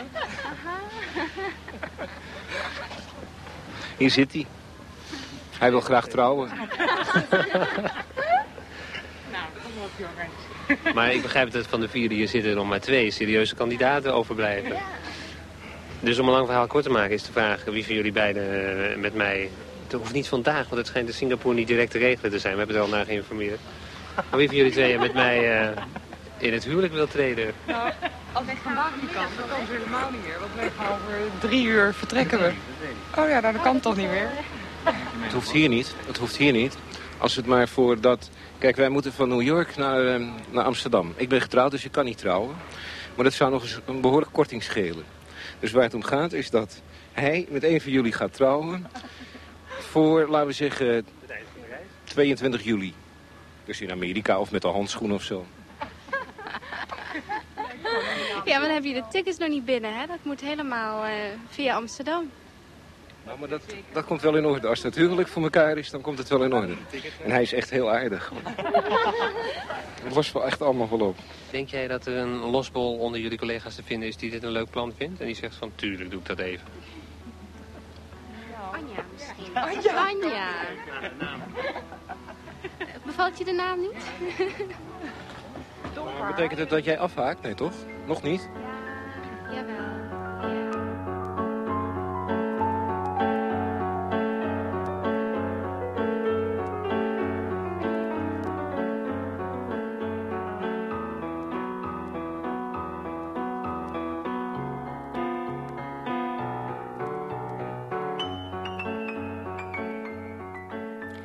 Ton en Jan-Willem merken dat Roel en Ronald ook in Singapore zijn aangekomen, omdat Roel en Ronald de Nederlandse ambassadeur bellen, terwijl Ton en Jan-Willem net met hem zitten te dineren. Ze besluiten gebruik te maken van het aanbod van een Nederlandse scheepvaartmaatschappij om met een vrachtschip mee te varen naar Hongkong. Maar eerst komen ze nog een afspraak na. Een Nederlandse tanker heeft uit de Zuid-Chinese zee 73 Vietnamese bootvluchtelingen opgepikt. De tanker mag de haven van Singapore niet in en Johan Blond gaat aan boord van de tanker. Het wordt een kort bezoek, want de ambassadeur laat weten dat hun boot naar Hongkong op het punt staat te vertrekken. Aan boord hebben ze contact met de Haagse Post. De redactie is geïnteresseerd in hun ervaringen met de bootvluchtelingen en met foto's en al verkopen ze hun verhaal voor 700 gulden. Het is vier dagen varen naar Hongkong. Aan boord een klein zwembadje waar vele uren worden doorgebracht. Maar er moeten ook huishoudelijke klussen worden gedaan. Zondag 5 juni in de badkamer van onze hut. S ochtends, s middags om 2 uur en de was. Na een, heerlijk, uh, na een heerlijk diner, want aan boord wordt altijd smiddags warm gegeten. Dat was heel lekker, maar die waszee die heeft nou een uh, forse ochtend in een soort wasmiddel gestaan. Dus ja, dat moet nou dat, dat gespoeld worden. Ja.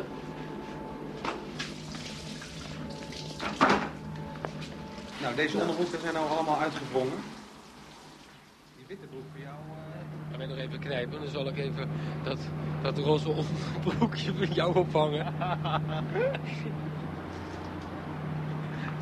nou, ik ben er wat trots op op een roze onderbroek. Nou ja, een beetje zo. Hij wordt trouwens wat witter, hè, nu? Aan één knijp. Ik zal hem... Nee, ik kan hem... Eén knijper is zat. Ik heb hem nou zo bij het kruisje opgehangen, maar ik kan hem ook andersom bij het middel ophangen. Dat hoort ook, want het kruisje droogt moeilijker. Dat is dikker. Nee, dat heeft de kapitein me vanochtend uitgelegd. Ja, echt waar? Ja, eerlijk? Want ik vroeg, droogt dat hier nou snel? Ja? Zei hij, nou hier, hier wel, maar dat kruisje niet, want dat is dikker. nou, hij had nou, een grote witte onderbroek al. Nou hangt het roze onderbroekje van Tom hangt aan het middeltje, aan het lijntje en het kruisje naar beneden.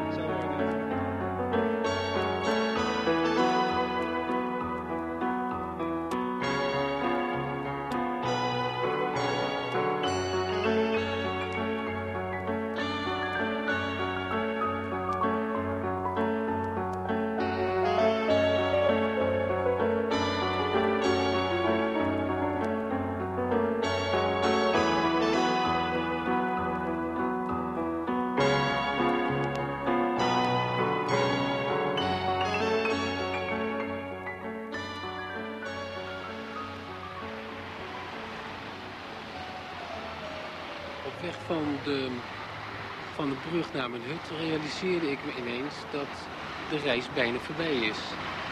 En dat gaf me wel degelijk een enorme schok. Eigenlijk nauwelijks tijd gehad om eigenlijk verder na te gaan denken wat er nou allemaal precies aan de hand is. Want deze reis gaat gewoon als een droom voorbij. Er gebeuren zo ontstellend veel dingen. Maar nu we hier aan boord zijn, hebben we meer tijd om wat na te denken. En eigenlijk tot mijn grote verrassing merkte ik ineens, wat ik al zei, dat de reis bijna voorbij is. Het is nou niet zo dat, dat, dat het me een schok gaf omdat ik geen zin heb om naar Nederland te gaan. Maar meer omdat ik steeds meer besef hoe uniek deze reis wel is. Ik denk dat een reis zoals onze reis kun je maar eenmaal in je leven maken. En met alle geld van de wereld is het onmogelijk om het nog een keertje na te reizen. Deze reis beantwoordt eigenlijk helemaal aan wat ik ervan verwachtte. Voor mij is het eigenlijk het meest boeiende van deze reis het onvoorspelbare. Je bent nooit ergens zeker van. Als je s'morgens uh, opstaat, weet je begot niet waar je s'avonds slaapt. Uh, welke mensen je ontmoet, uh, wat voor manieren van transport je weer hebt gevonden. En dat is eigenlijk wat mij in, in deze reis en in reizen in het algemeen aantrekt. Nooit van tevoren um, alles op papier zetten, gewoon maar kijken waar ja, het lot of het noodlotje naartoe brengt. Wat ik ook heb geleerd is dat het absoluut geen zin heeft om je zorgen te maken over wat er eventueel in enkele dagen zou kunnen gebeuren.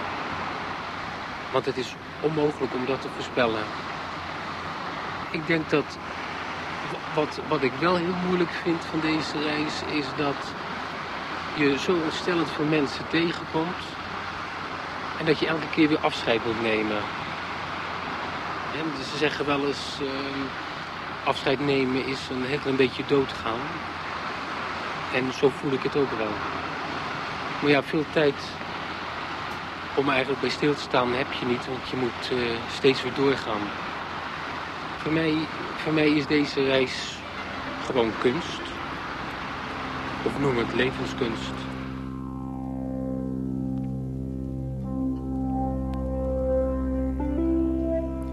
Beide teams hadden van thuis de opdracht om iedere week naar de uitzending op te bellen... om bekend te maken waar ze op dat moment zijn. Woensdag 8 juli. Telefoon uit de Zuid-Chinese Zee. Tom, waar zitten jullie op het ogenblik? Over. Is de vraag van jullie aan mij. Waar ik nu? Ik versta geen moer. Waar zitten jullie nu? Over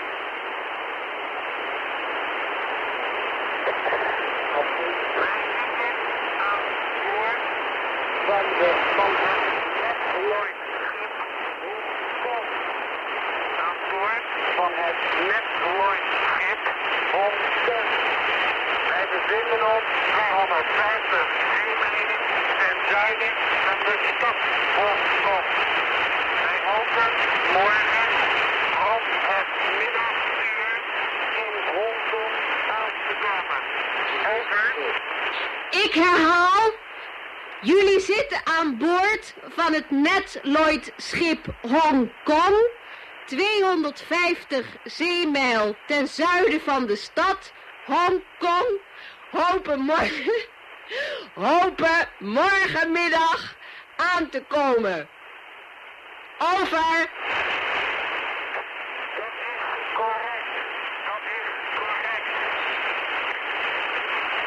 Als wij in Hongkong aankomen, als wij in Hongkong aankomen, weten wij nog niet, nou weten wij nog niet hoe we daar weg moeten komen. Hoe wij daar weg moeten komen op weg naar Japan. Over. Het lijkt wel alsof vanuit Hongkong tegen me praat. Over.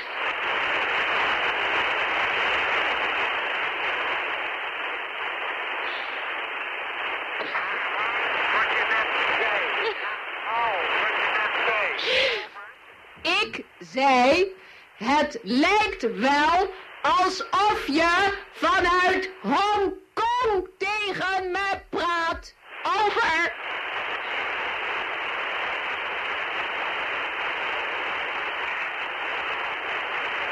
Jij bent op dit moment heel moeilijk te verstaan. Maar het is een beetje een geforceerd gesprek, zeker. Een beetje een geforceerd gesprek, denk ik. Over. Ja. Wordt niks, hè? Nee, nou, het, ik vond het aardig gaan. Leuk zo. Hij zei net, hij weet nog niet hoe hij terug moet, hoe hij weg moet komen uit Hongkong. Oh, u verstaat het beter. Ja, ik heb een heel verhaal al net gehoord. Hij Ja. wilde of vliegen naar Japan, Ja. want dat schip moet een paar dagen in Hongkong blijven. Ja. Lukt dat niet, dan gaat hij aan boord van deze boot verder mee naar Hongkong. En die andere twee zitten op twee dagen varen achter hun. Op de net... Ook met het andere team hadden we gisteren contact. Ze zitten op de Netloid madras. Hallo.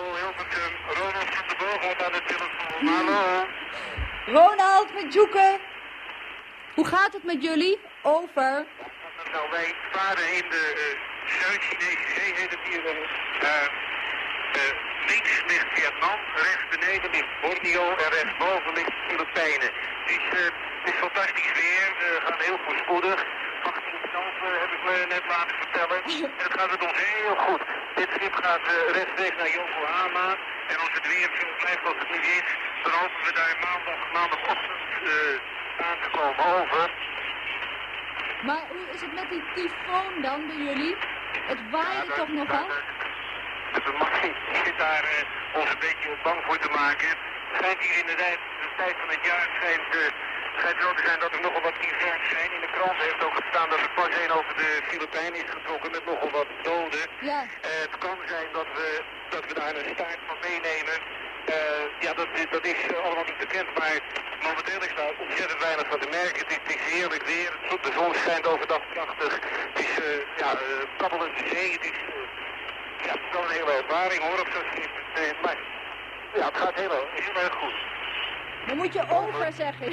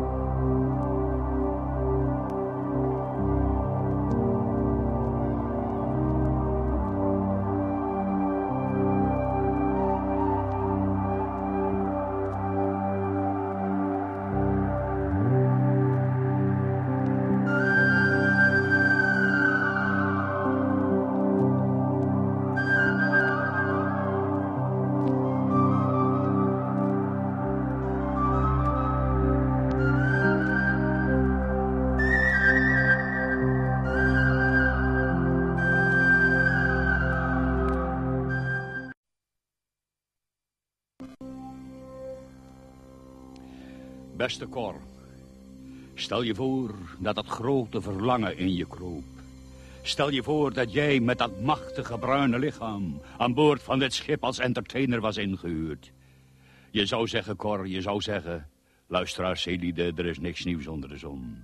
Gedwee, geween, gewetensnood, uit nood eet ik dat andere brood. Het verlangen dus, Cor, het verlangen. Het verlangen om eindelijk weer eens tegen een vrouw aan te liggen. Het verlangen om het weer eens mee te maken. Die hunkering naar een goed gekozen woord. Naar strelingen op de juiste plaats. De perfectie van een liefkozing. De weelde van een zachte plek. Dit schip koerst door, 18 knopen en soms 18 en een half. Japan is nog 2000 kilometer ver. Slapen, trillen, schommelen, ontbijt, lunch, diner en verhalen. Verhalen over de nostalgie van het varen. Verhalen over romantiek in vroegere dagen, over de neus, de oren, de ogen, de voeten, over sterrenplukken, jolige havens, vertier en het image van de Hollandse zeebonk in vervlogen dagen.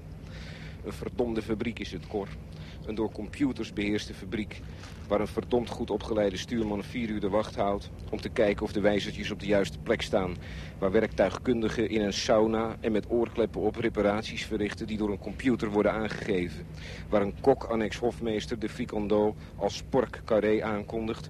Waar een marconist, die radioofficier heet... nog op de aloude seintoon weerberichten doorgeeft. En waar een kapitein eerlijk toegeeft dat hij van die computers niets meer begrijpt... en dan ook liever niets meer van zegt te willen begrijpen.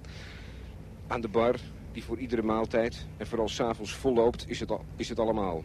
Hollands bier, Hollandse jenever, ijsblokjes, rum, Campari, whisky en fris. Slempen is het niet, maar stevig doordrinken wel. Japan, Japan is nog 1990 kilometer ver. Het verlangen blijft, de humor verstilt. De grote plas en het kleine visje. Vliegende vissen springen weg bij de voorplecht. Hengelen naar een lichaam. De poëzie van zachtheid. We kunnen er niet af. De hoofdpijn van Roel brengt enige afleiding. En ieder weet de oorzaak of vermoedt een oplossing. De kwakzalverij zal wel weer lonend zijn. Hij eet te weinig en is te mager. Het zal de warmte zijn, de vermoeidheid van een reis. Opzien tegen nieuwe vermoeidheden. Psychosomatische oprispingen. Mogen het u wel bekomen. Waar, Koor? Waar hebben we dat eerder gehoord? Het machtige bruine lichaam blijft onmachtig. Wat te doen bij man overboord? Japan is nog 1981 kilometer ver. Symbool of gewoon toeval. Matige zuidoostelijke wind, windkracht 4, zonnig en warm. De groeten.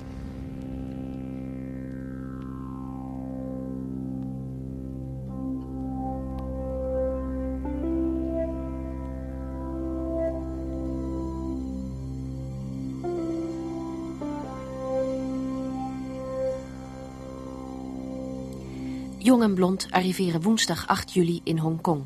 met een gift van 150 gulden van de bemanning op zak. Een dag later dan gepland, omdat er een tyfoon over de Zuid-Chinese zee raasde... en het vrachtschip moet uitwijken. Een dag verlies, maar dat kan Jong en Blond niet deren. Ze weten wel hoe ze uit Hongkong weg moeten komen... in tegenstelling met wat ze vanaf de Netloid-boot melden... In Singapore hebben ze van een groot Nederlands reisbureau twee gratis tickets gekregen. Van, let wel, Hongkong naar Japan naar Amerika. Deze handig versierde regeling kon wel eens een beslissende fase in de wedstrijd worden. Vanuit Hongkong vliegen ze de volgende dag richting Japan. Het vliegtuig maakt een tussenlanding in Taiwan. Eh, Taiwan dus. Struikelde het kabinet van eens bijna over de levering van twee duikboten aan het land? Een onderzoek.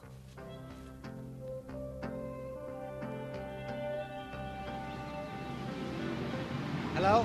Do you speak English? Do you speak English? Do you know this? Can you answer this question? De vraag nu is of ze weten welk land twee onderzeeërs heeft geleverd. Can you read this? Hij leest het nu. You don't know? You don't know it? No. Okay, now leave it. Ellen. Do you speak English? Komt er een andere bij, die neemt het over. Die komt uit zichzelf, dus. Holland. Holland. Holland, ja. Yes. En dat- question two, hoeveel me? Tweede vraag. Who have the Somali? What? Our country. Yes, yeah, I, I don't know what it means. Who have the So- Somali? How many, how many boats? How many? Our country. Yes, you, Yes. Holland? Two. Ja. That's right. Oké, thank you. Nou, dan heeft dit bezoek van, aan Taiwan van ons toch eh, zin gehad, zeg maar. Kunnen wij de Nederlanders laten weten dat de Taiwanese het ook weten? Dat is niet onbelangrijk, lijkt mij. Misschien eh, politiek gegeven of zo? Nou, dat, we gaan het dadelijk nog even uitwerken. Ja. Maar we gaan eerst stappen. We zouden We gaan- vanavond gaan stappen. We gaan eerst stappen. Eindelijk is het na anderhalve maand even de zinnen verzetten. Zo heet dat toch? Of de bloemetjes buiten zetten. Gewoon dat ik ja knik. Even rust. Even geen bandrecorder mee ook? Niks. Gewoon eh, stappen. Zeg maar dat ik ja knik. Ja.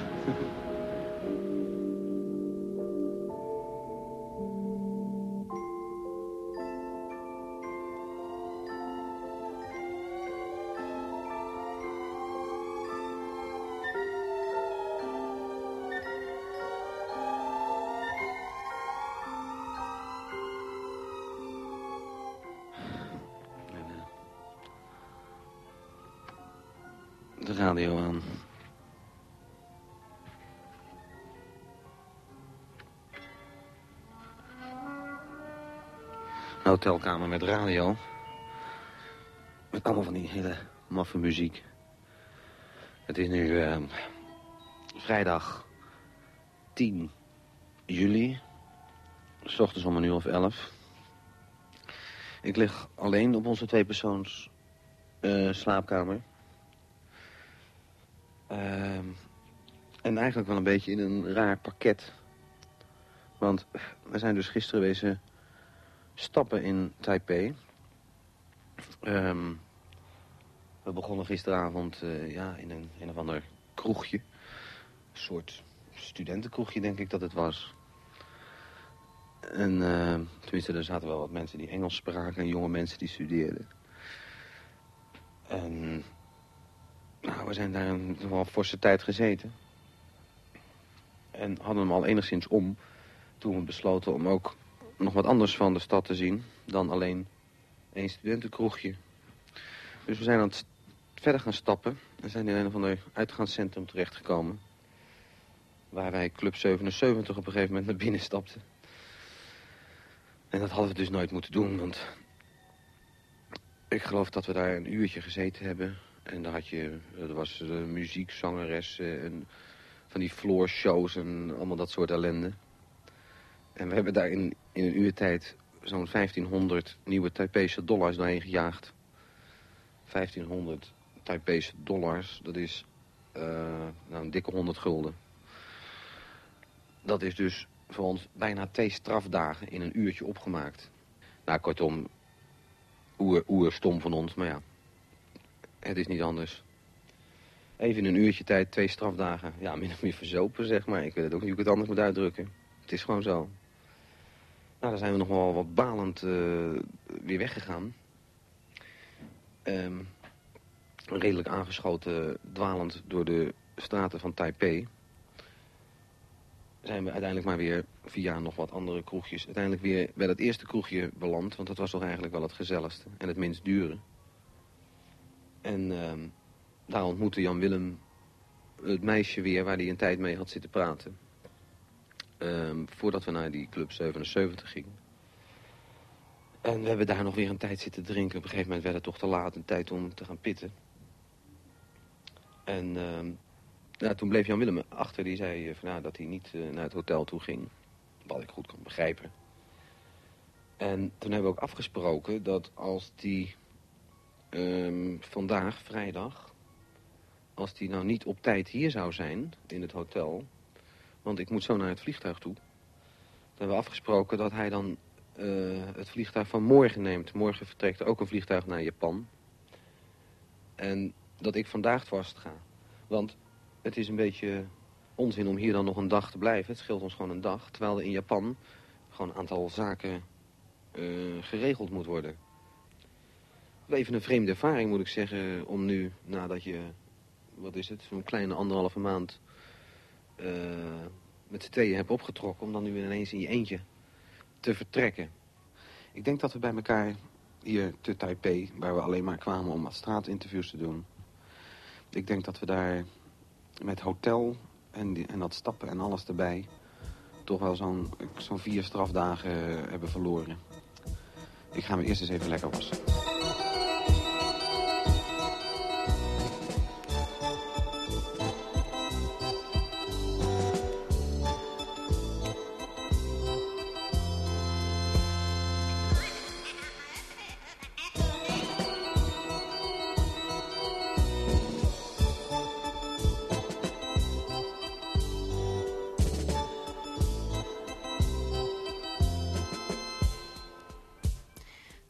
Vertrekt alleen naar Japan, waar hij de nacht voor halve prijs doorbrengt bij de YMCA te Tokio.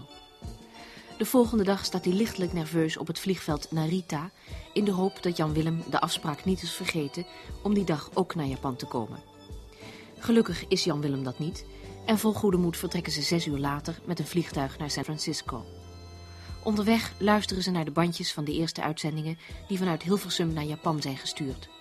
Ze raken enthousiast en genieten negen uur lang van de gratis whisky die de Japanse vliegmaatschappij op deze route verstrekt.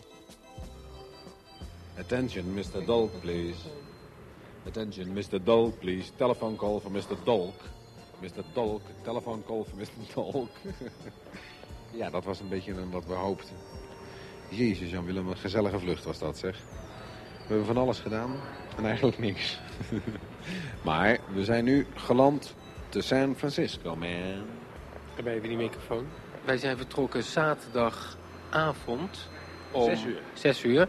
En wij komen aan zaterdagmorgen om half elf. dus dat, dat is de dagwinst. Tijd, tijdwinst van één dag. Vind ik ontzettend mooi. Ik vind dat iedereen mag weten dat we dronken zijn. We hebben de hele nacht hebben naar, hebben alle bandjes afgeluisterd. Ah, geweldig. En, en, we hebben door, en we hebben doorgezopen op de whisky. Nou, dit is... Dit, hey, luister even. Begin maar opnieuw. Doe het even opnieuw. Het is... We zijn vertrokken. We zijn nu aangekomen in San Francisco. Nee, we moeten even opnieuw. Ja, we doen het nu even. We zijn vertrokken... Nee, hoeft niet. We zijn vertrokken. We doen het even over, want dit kan niet. Ja, tenminste, ik denk dat het niet kan, maar kijk maar. Zoek het maar uit. Ik, we doen het in ieder geval even opnieuw. Dat we, als- alsof we nog een beetje aanspreekbaar klinken. ik weet het niet. Lekker weer hier in San Francisco. We zijn vertrokken. Eh 11, wacht even, 11. Hé, hey, mijn horloge loopt weer gelijk. Ik was nog een datum voor.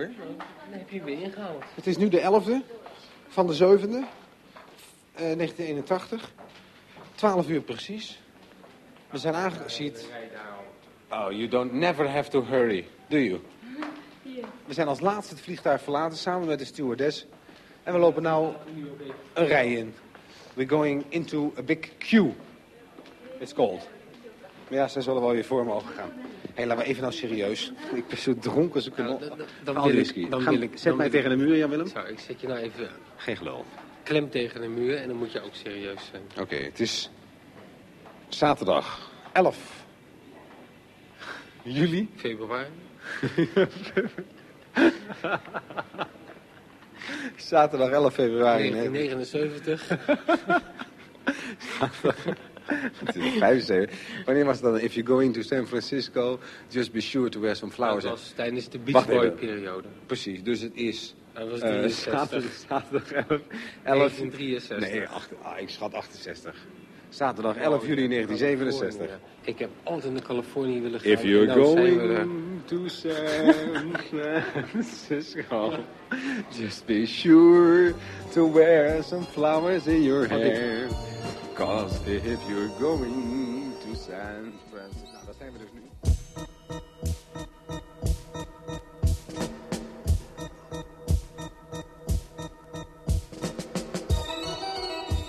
Maandag 13 juli.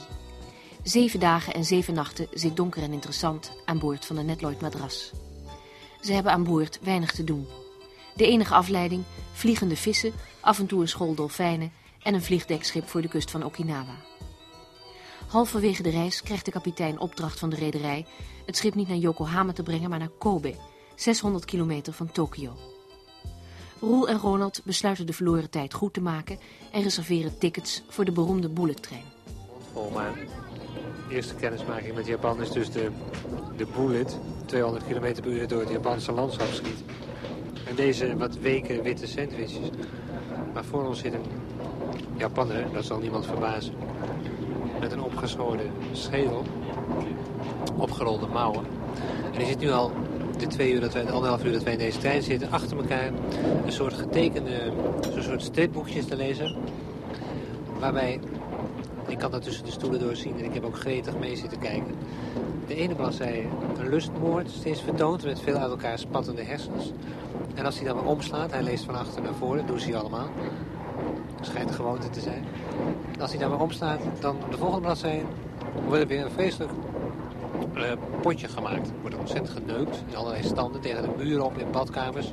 En de volgende bladzijde gaat er weer een zijn schedel aan varden. En dat gaat zo bladzijde na bladzijde na bladzijde door. Anderhalf uur lang al. Durf jij die man te vragen hoe laat het is?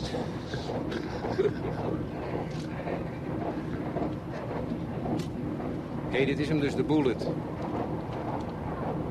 Een soort superlange jet. Breder dan onze treinen.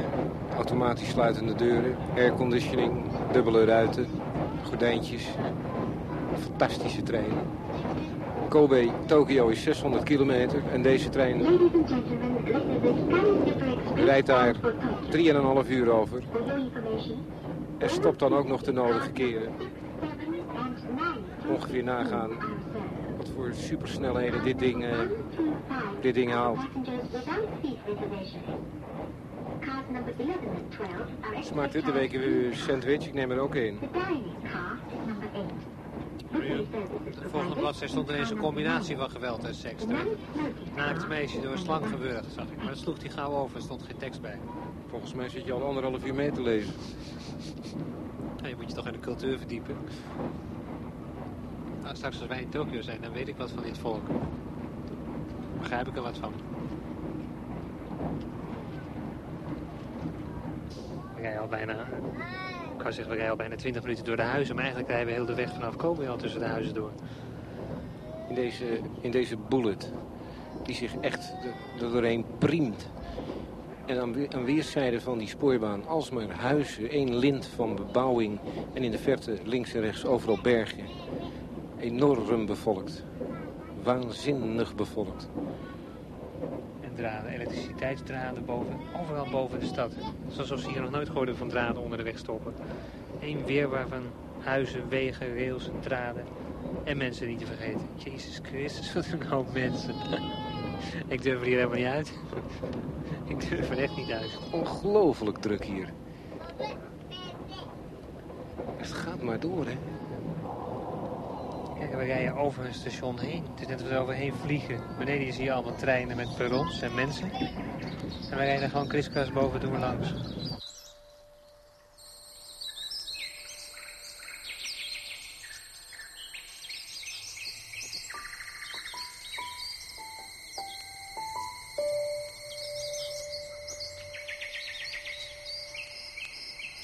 De rustige cadans van een sneltrein klinkt voor mensen die snel moeten reizen als muziek. Maar wat te denken van paardengetrappel. Ton en Jan Willem hebben in een plaatsje vlakbij San Francisco werk gevonden dat op een paard moet worden gedaan. Cowboy dus.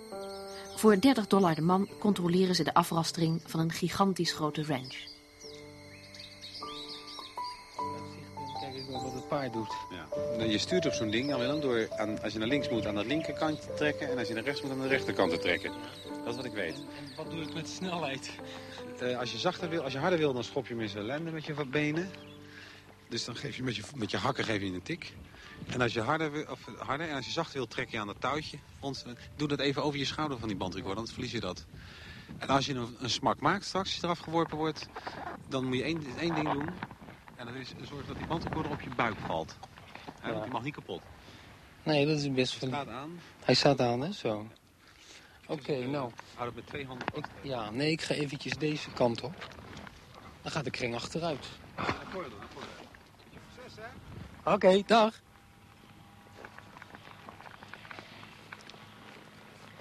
Nou, dat valt verdomme niet mee, zeg. Dan moet je op een gegeven moment dat ding in bedwang houden. Als hij dadelijk maar niet in galop gaat... dan weet ik ook niet meer wat ik moet doen. Nou ja, dat heb je op een gegeven moment als je voor captiones gaat vertellen... dat je jaren paard rijdt, terwijl je dat nooit hebt gedaan. Een bloedheet buiten. Grote cowboyhoed op mijn hoofd. Cowboylaarzen aan. Dat is wat je dan altijd ziet op die films. En nou ben je verdomme zelf cowboy. Ik weet niet eens wat zijn naam is. Come on. Come on. Come on. Nou, tot zover zien de hekken er nog prima uit, volgens mij. Stop hier. Stop. Stop. Verdomd wil hij niet stoppen, ook dit kring. Misschien moet ik wel eens in het Engels zeggen. Hey, wait a minute. Kom.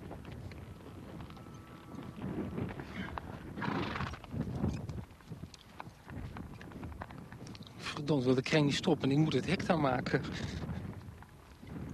Moet ik dat nou weer doen? Dat heb je van al die kopjoners.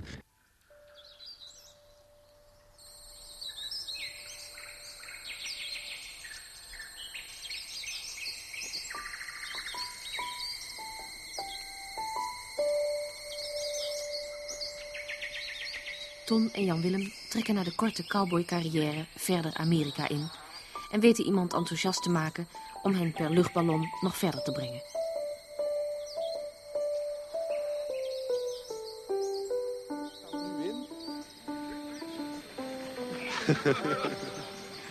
Ze hebben net gezegd dat onze bestemming de vuilnisstortplaats hier is.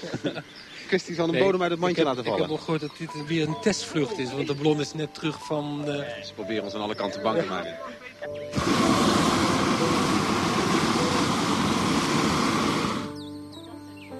vier volwassenen in de ballon zijn, zullen we heel wat eh, moeten, Heet moeten maken. ja, ja, behoorlijk heet moeten maken voordat we dus af zullen stijgen. Hoeveel mensen gaan er normaal mee in zo'n Eh, ballon? vier is oké, maar vier is wel het maximum.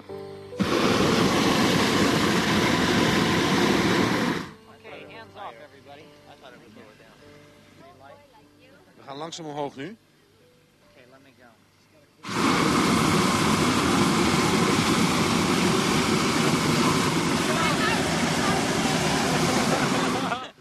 En daar gaan we. Zo, dat gaat heel snel gaan we omhoog. Dat gaat razendsnel zeg. Razendsnel.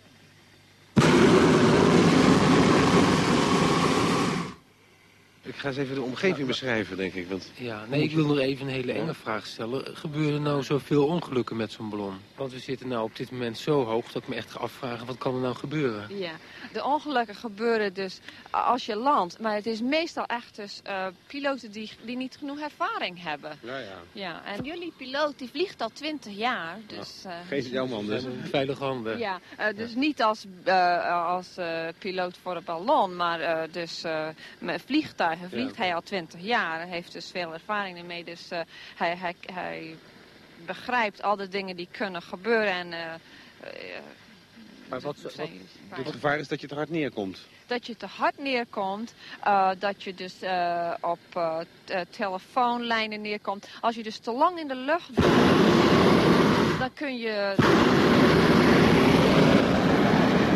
heb je kans dat je niet genoeg eh, propane hebt. En dat je dus in een situatie komt waar je moet landen. Ja. Waar je ook bent, want je hebt niet genoeg eh, propane. Ja. Power. We hangen nu zo'n meter of, als ik het schat, 300. En hoeveel feet is het? Kijken. 800 al. 800 feet is 250 meter boven de grond. Dus om nou te praten over eh, hoe hard je neerkomt als er wat misgaat... of de bodem die uit zo'n mandje valt... Ja, daar zat ik ook even aan te denken, want we staan op de bodem. Stel dat dat de bodem doorzakt.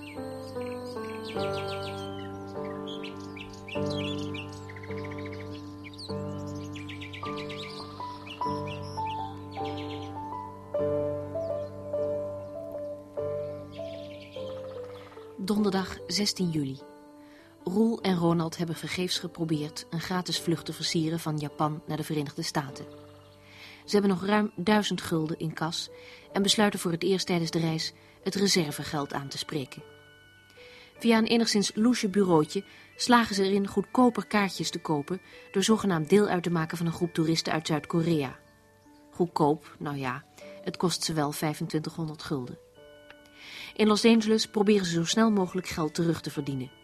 Ze houden een toespraak voor Nederlandse immigranten, doen klusjes voor een Nederlandse kapper, komen voor de Amerikaanse televisie, proberen zich te verhuren als Mickey Mouse in Disneyland en ze hebben een sportauto te koop. En wie is de gegadigde? Juist, een Nederlandse filmster. Monique van de Ven. Zo, we zijn nog niet aangekomen of je zit alweer in die auto. Ik moet het maar meteen opnemen. Oh god, je gaat dan meteen... eh, Meteen aan het werk. Wat zijn nou too fancy? Wat is too fancy? Nou, te... te ja, hoe heet, noem je nou too fancy? Een beetje te... sportief? Ja, een beetje te... Een beetje... Nou, er zit ontzettend veel... eh, Ja, het moet waarschijnlijk de Luxe. indruk geven dat je je snel door het leven begeeft. ja, precies, een sportcar, weet je wel. Met echt, eh, met allemaal van die dingen aan de buitenkant er ook op. En wat voor wielen heeft het ook vast van die spaken erop of zo. zien? Ik ben bang, jongens, ik ben bang. Ik ben erg bang voor dit... eh, we hebben maar één, we hebben maar één filmster in Hollywood. Dan moeten we dan weer... Een andere auto nog. Dan raden we die Volkswagen in. Oh nee. Met jong en blond blijft het intussen goed gaan.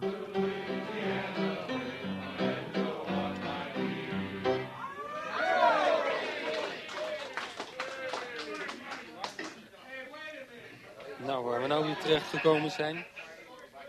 Maar ja, dat is echt iets wat, tot, wat bij deze reis hoort. Eh, we zijn in een stadje in, we zijn een stadje in Amerika terechtgekomen. Eh we hebben daar kennis gemaakt natuurlijk weer met heel veel mensen. En we zijn nu geïnviteerd op een eh, club van middelbare mannen.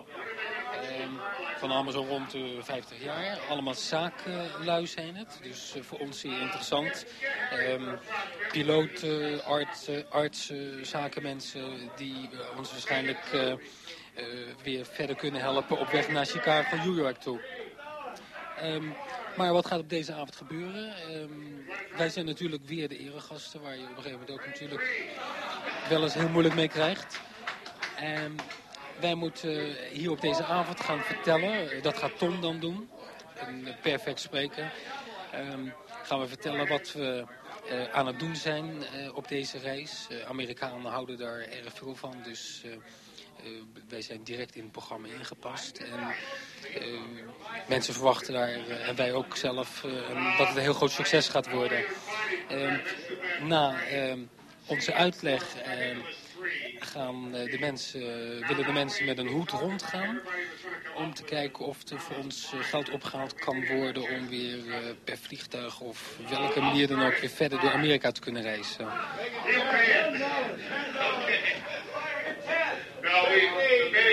We.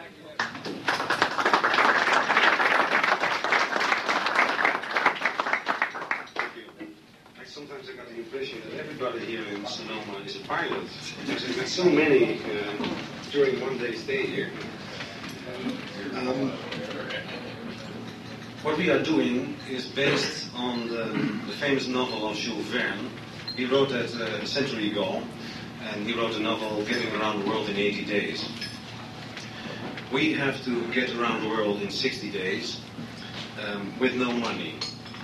Um, the main player in Dan staat het spreekgestoelte. Ehm, achter hem de Amerikaanse vlag. En voor hem de Amerikaanse vlag. Met de vlag van de stad daarnaast weer. Um, Het is werkelijk ongelooflijk hoe die jongen dat doet. Zitten op dit moment eh, minstens 150 mensen ademloos te luisteren. Het is werkelijk muisstil. En hij zit daar achter dat spreekgestoelte met een flair te praten. Die werkelijk aan het ongelooflijke grenst. Zonder zenuwen. Het is gewoon een geboren spreker. we flew from uh, from Kuwait to Bombay, we had a stop in Dubai, and there was a plane not, not there, so we had to wait there for eight hours. So we said we can sit here and wait, but we also get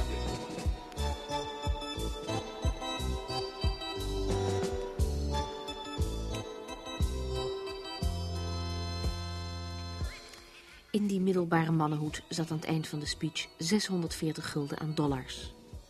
Met een privévliegtuigje van een lid van de mannenclub wordt Jong en Blond naar Salt Lake City gebracht. En van daaruit kunnen ze gratis meevliegen naar Chicago, dankzij weer die goedgevige mannenclub. Het is woensdag 15 juli 6 uur en Ton vertelt alweer vrolijk op de plaatselijke radio zijn zo langzamerhand overbekende verhaal. One of two men who are here in Chicago for a very special reason. Are you Tom? Yes, I'm good, Tom. Good morning, Tom. Welcome to Chicago. Thanks.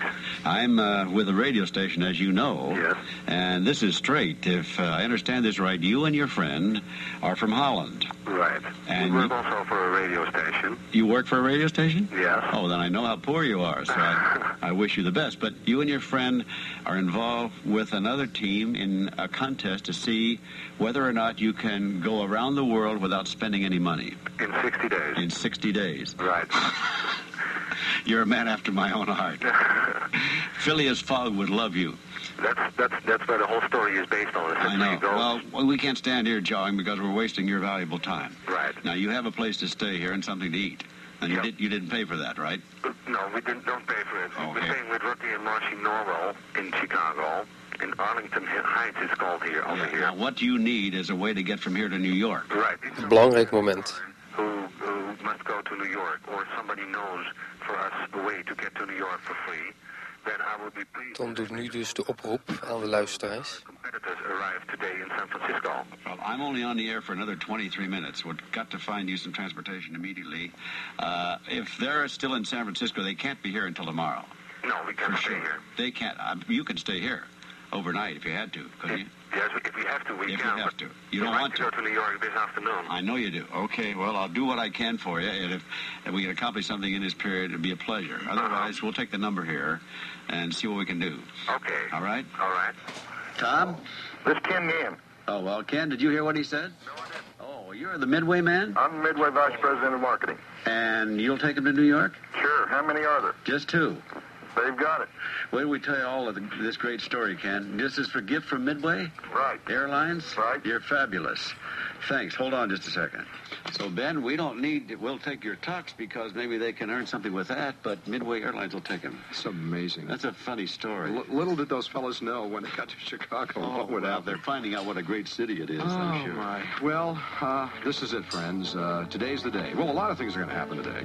Uh, one of the things that's going to happen is the movie Endless uh, Love opens.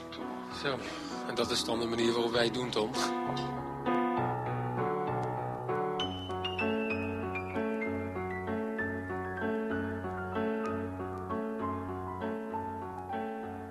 Roel en Ronald verdienen geld.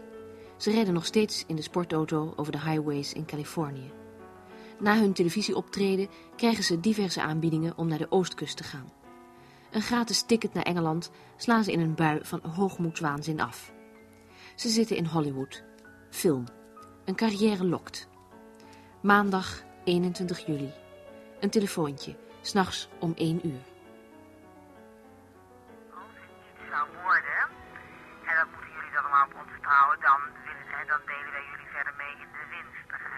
Ja, dat lijkt me ook heel leuk. Mocht, mocht daar iets van komen, maar dan moet er eerst development money komen en hoe je begrijpt het. Maar dat moeten jullie maar op ons vertrouwen. Mhm. Maar jullie we moeten dus en morgen gewoon een, eh, ja, iets laten ondertekenen dat jullie daar, eh, hè, bedoel, voordat het in de LA Times komt, moet het dan zeg maar bij de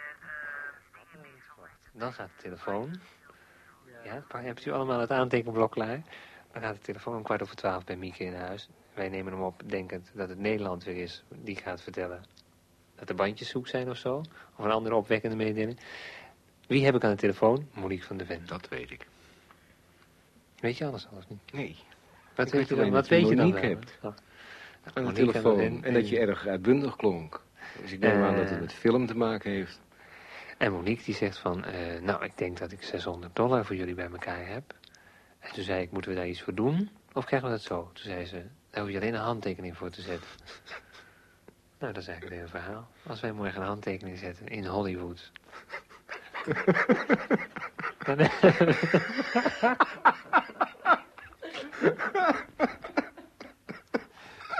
Zoals zoveel voor ons. Jack Nicholson, eh, noem ze maar op. Hitchcock.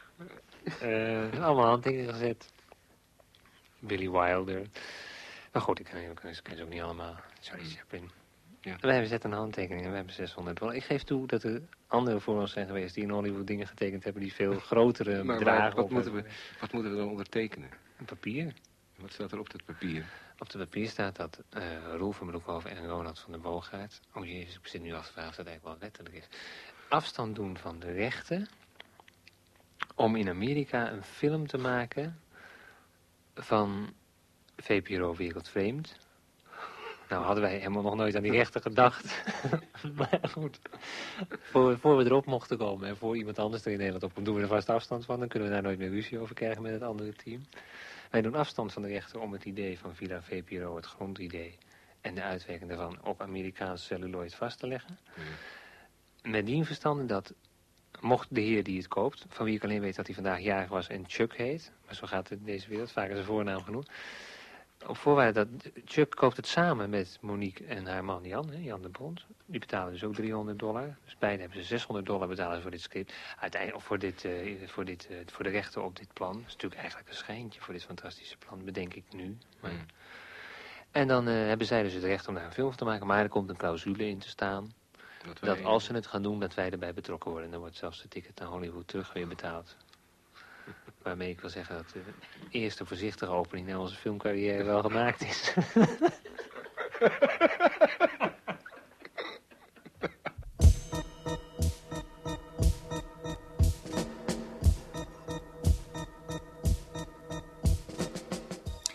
Jong en Blond arriveert gratis in New York. Daar vinden ze iemand met een hoge positie bij een luchtvaartmaatschappij. Eerst proberen ze op eigen kracht een gratis ticket naar Londen te versieren. Na ontelbare mislukte pogingen in deze zakelijke stad komt hun gastvrouw onverwachts met de mededeling dat Jong en Blond de volgende morgen gratis naar Londen kan vliegen. Geregeld via een van haar contacten in de luchtvaartwereld. Londen dus. Het is 20 juli. Londen, de stad waar Phileas Fogg, de hoofdrolspeler van Jules Verne's Reis rond de wereld in 80 dagen, begon. Zou er in deze stad nog familie wonen van de beroemde Phileas Fogg?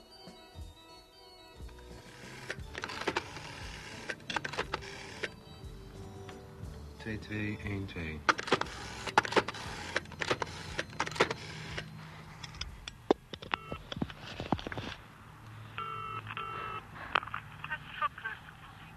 Good morning. Can I speak to Mr. Fogg?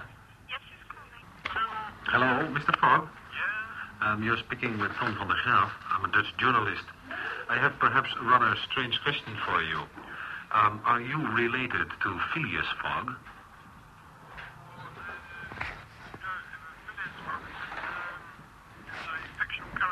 Uh-huh.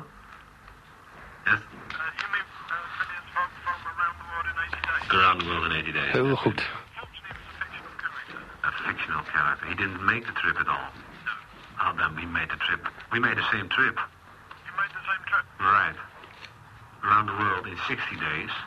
Without the use of money. I see, And we thought we now arrived in London. We went all, through, all over the world now. We're on our way back home. And we thought we'd try to find re- uh, somebody who is related to Phileas Fogg. I see. So he didn't actually make the trip. No, he did. He didn't actually make it because uh, we did in the book, but there was no real Phileas Fogg. Oh. It's a pity and a disappointment. Yep. Oh well, um, uh, so you're going to title your article, are you? Uh-huh. Around the world in 60 days. In 60, right. Anyway, sorry not to help you anymore. Um, so, uh, it's a pity. Thank you. Thank you. Bye-bye. Dit is wel een eh, tegenslag, moet ik zeggen. Gaan wij die hele wereld rond in, 60, in 60 dagen. En denkend dat wij alle routes en alles doen wat Phileas Fogg ook gedaan heeft. Blijkt dat het gewoon een gefi- gefingeerd verhaal is. Is het een verzinsel? Wat lullig. Ja, maar nou, ik bedoel, hadden we beter achter kunnen komen... eh, Voordat we weggingen. Voordat we weggingen. Dan had ik hem helemaal niet gemaakt. Dan had ik die hele Ik voel me behoorlijk lullig nou. Ik voel me een beetje genaaid. Twee iets wat ontgoochelde wereldreizigers op een steenworp afstand van Nederland. De andere twee op een van de beroemdste boulevards ter wereld. U bent getuige van Roel en Ro- Ronald in filmzaken. We schakelen over naar Hollywood, naar Sunset Boulevard... alwaar de heren nu zoveel geld verdienen... dat ze in één keer ook naar Londen kunnen vliegen.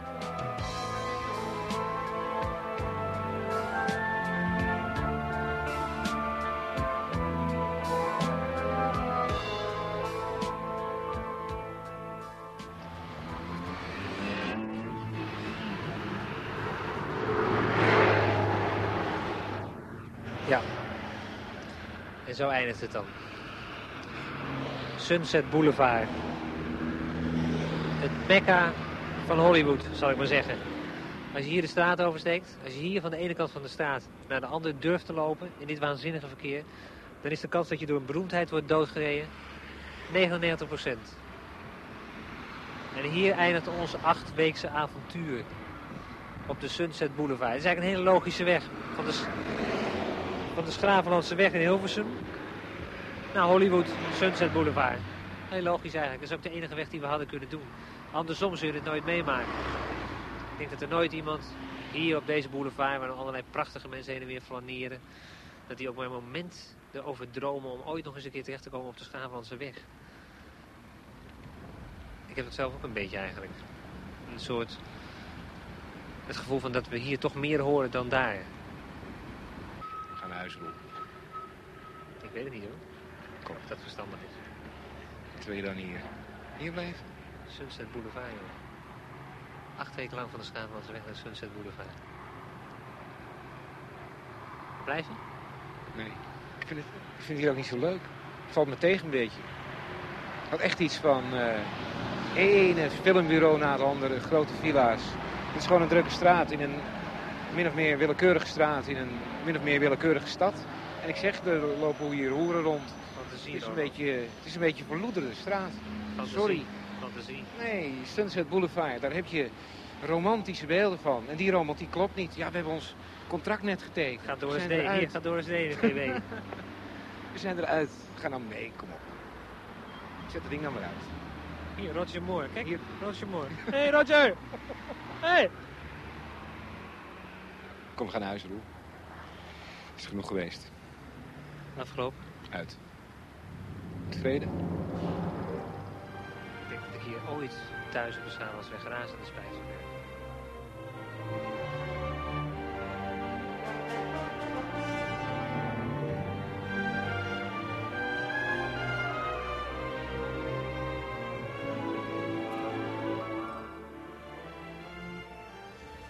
Vandaag, acht weken geleden, woensdag 3 juni, 1 uur 's middags, namen we op ditzelfde grasveld achter de VPRO-studio aan de Schravenlandse weg in Hilversum afscheid van de twee teams.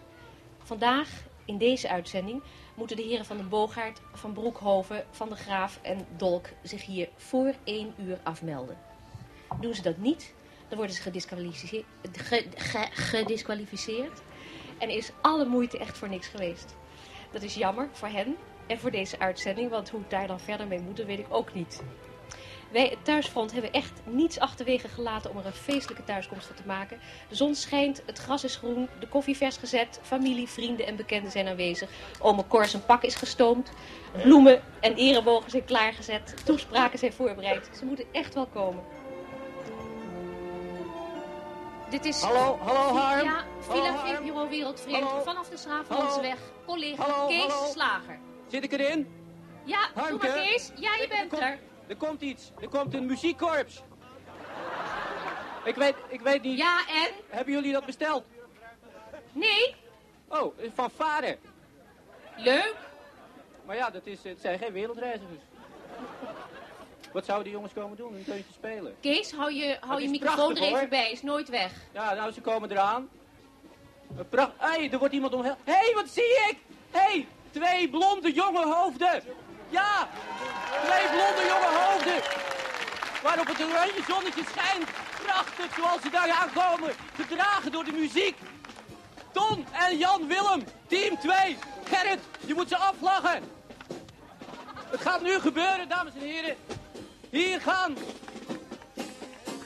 hier gaat het gebeuren. Ja, de muziek er doorheen.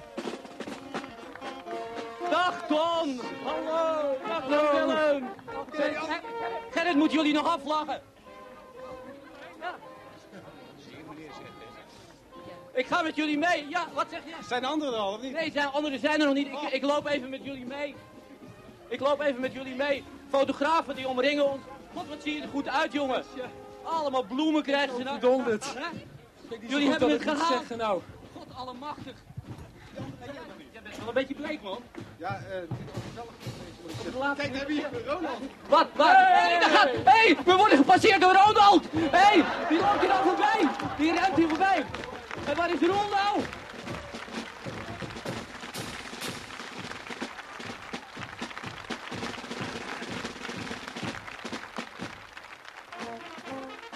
Meester Spicht, ik zou zeggen de afrekening. Ja, dames en heren, helden. Nogmaals mijn felicitaties.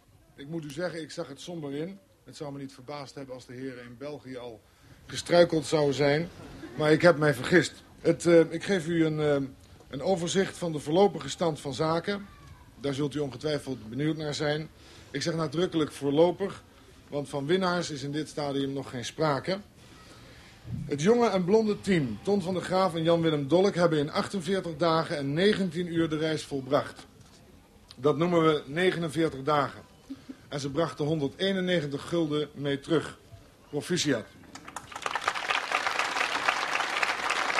Het, het donkere, het donkere en interessante team, Ronald van der Boogaard en Roel van Broekhoven, heeft in 52 dagen en 7 uur de reis volbracht. Dat noemen we dan 52 dagen. Heren, ik heb uw kasboek, wat met name aan het eind nogal wat slordig was, nog even bijgewerkt. En u bracht mij terug 873 gulden en 40 cent. Proficiat.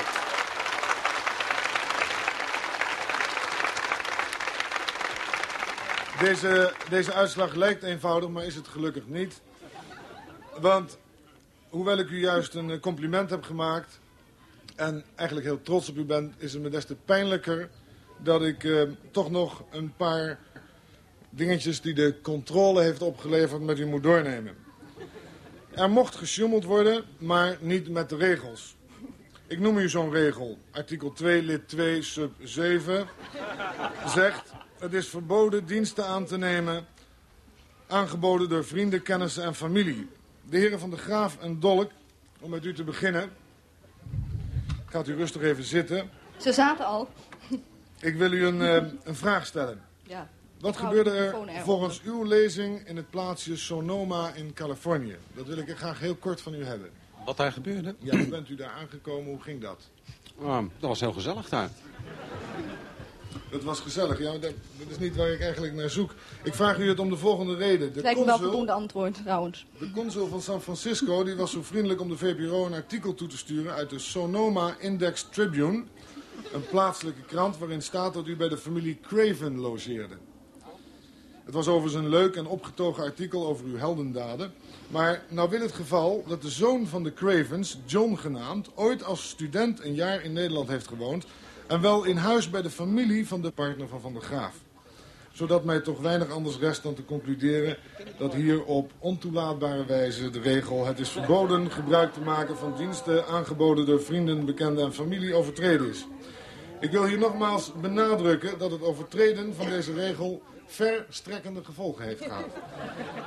Ook mevrouw Kreven bevestigde dat de heren toch niet zo snel Amerika doorgekomen waren zonder deze contact. En ik beslis dan tot het uitdelen van vier strafdagen, die overigens niet geldelijk afgekocht kunnen worden, waarmee het totaal aantal dagen op 53 is gekomen. Over deze uitslag wordt niet gediscussieerd.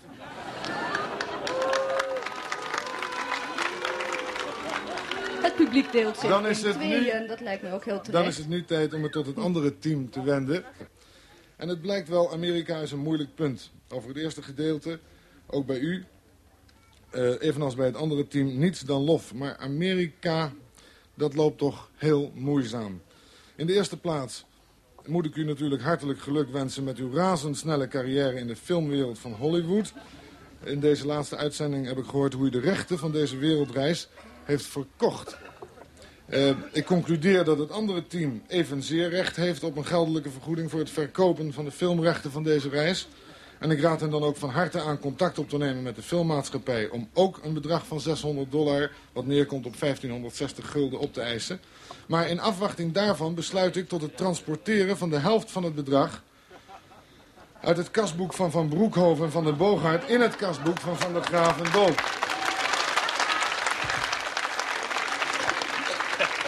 Dit, eh, dit verandert overigens niets aan de uitslag. De heren hadden immers een positief saldo van 873 gulden 40. En daar is nu een bedrag van 93 gulden 40 van over. Ik concludeer wel dat regel 7 sub A is overtreden. En ik beslis tot het uitdelen van een sanctie in dagen en wel drie dagen. Waarmee het totaal aantal dagen op 56 komt. En over deze uitslag, heren, is ook voor u geen discussie mogelijk. Hiermee zijn we aan de Hij wil zijn tientje terug. Dat tientje, ja, dat is heel jammer, maar dat zal naar een goed doel worden overgemaakt. Hiermee zijn we dan, dacht ik, aan de uitslag van deze wedstrijd gekomen. De heren Roel van Broekhoven en Ronald van der Boogaard, ook wel team 1 geheten, ook wel donker en interessant geheten, zijn buitengewoon eervol tweede geworden in deze race. Heren, proficiat.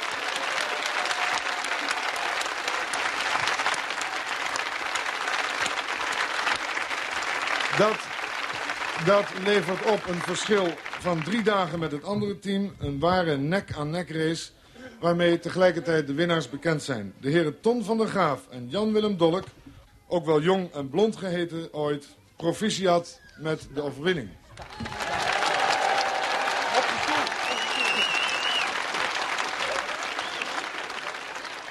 Dames en heren, mag ik even stilte misschien? Ja. Ja. Beste Roel en Ronald, Beste Ton en Jan Willem, dan zijn jullie dus weer terug in levende leven hier op het gazon eh, voor de kantine van de VPRO. Behouden thuis. Nee, zo eenvoudig is het niet om de radio weer nieuwe levenskracht te geven. Als we die radio weer zijn plaats willen geven te midden van de andere media... dan zal er pijn geleden moeten worden. Pijn, zei ik. En dat, vrienden, hebben jullie gedaan. Terwille van de VPRO, terwille van de luisteraars en terwille van de radio... hebben jullie pijn geleden. Zijn jullie dagenlang in bonkende vrachtwagens geradbraakt? Zijn jullie bouwvakker geweest in de bloedhitte van Kuwait City? Hebben jullie door heel India een spoor van diarree getrokken? Jullie hebben barstende hoofdpijnen getrosteerd en wat al niet meer. Waarmee ik maar zeggen wil dat radio maken, echt radio maken... geen kwestie is van op je luie reet zetten... en af en toe een emmertje geluid ophalen op een persconferentie of een protestactie. Nee, echt radio maken is oneindig veel meer. Dat is de uitdaging aandurven, telkens weer. Jezelf geven voor je vak. Totaal geven, zonder reserves. En dat hebben jullie gedaan. En daarom ben ik zo trots op jullie. En daarom noem ik jullie namen met een brok in mijn keel. Roel van Broekhoven, Ronald van de Boogaard, Tom van de Graaf en Jan Willem Donk. Dank voor alles. De programmaserie VPRO Wereldvreemd, een serie uitgezonden in de zomer van 1981 in het programma Villa VPRO, werd gemaakt door Cor Kees Slager, Djoeke Veninga, Fineke Diamant, Harmke Pijpers, een heel leger NOS-technici, de techniek van deze cassette werd verzorgd door Hans van de Pas, en de reizigers Ton van de Graaf, Jan Willem Dolk, Roel van Broekhoven en Ronald van de Boogaard.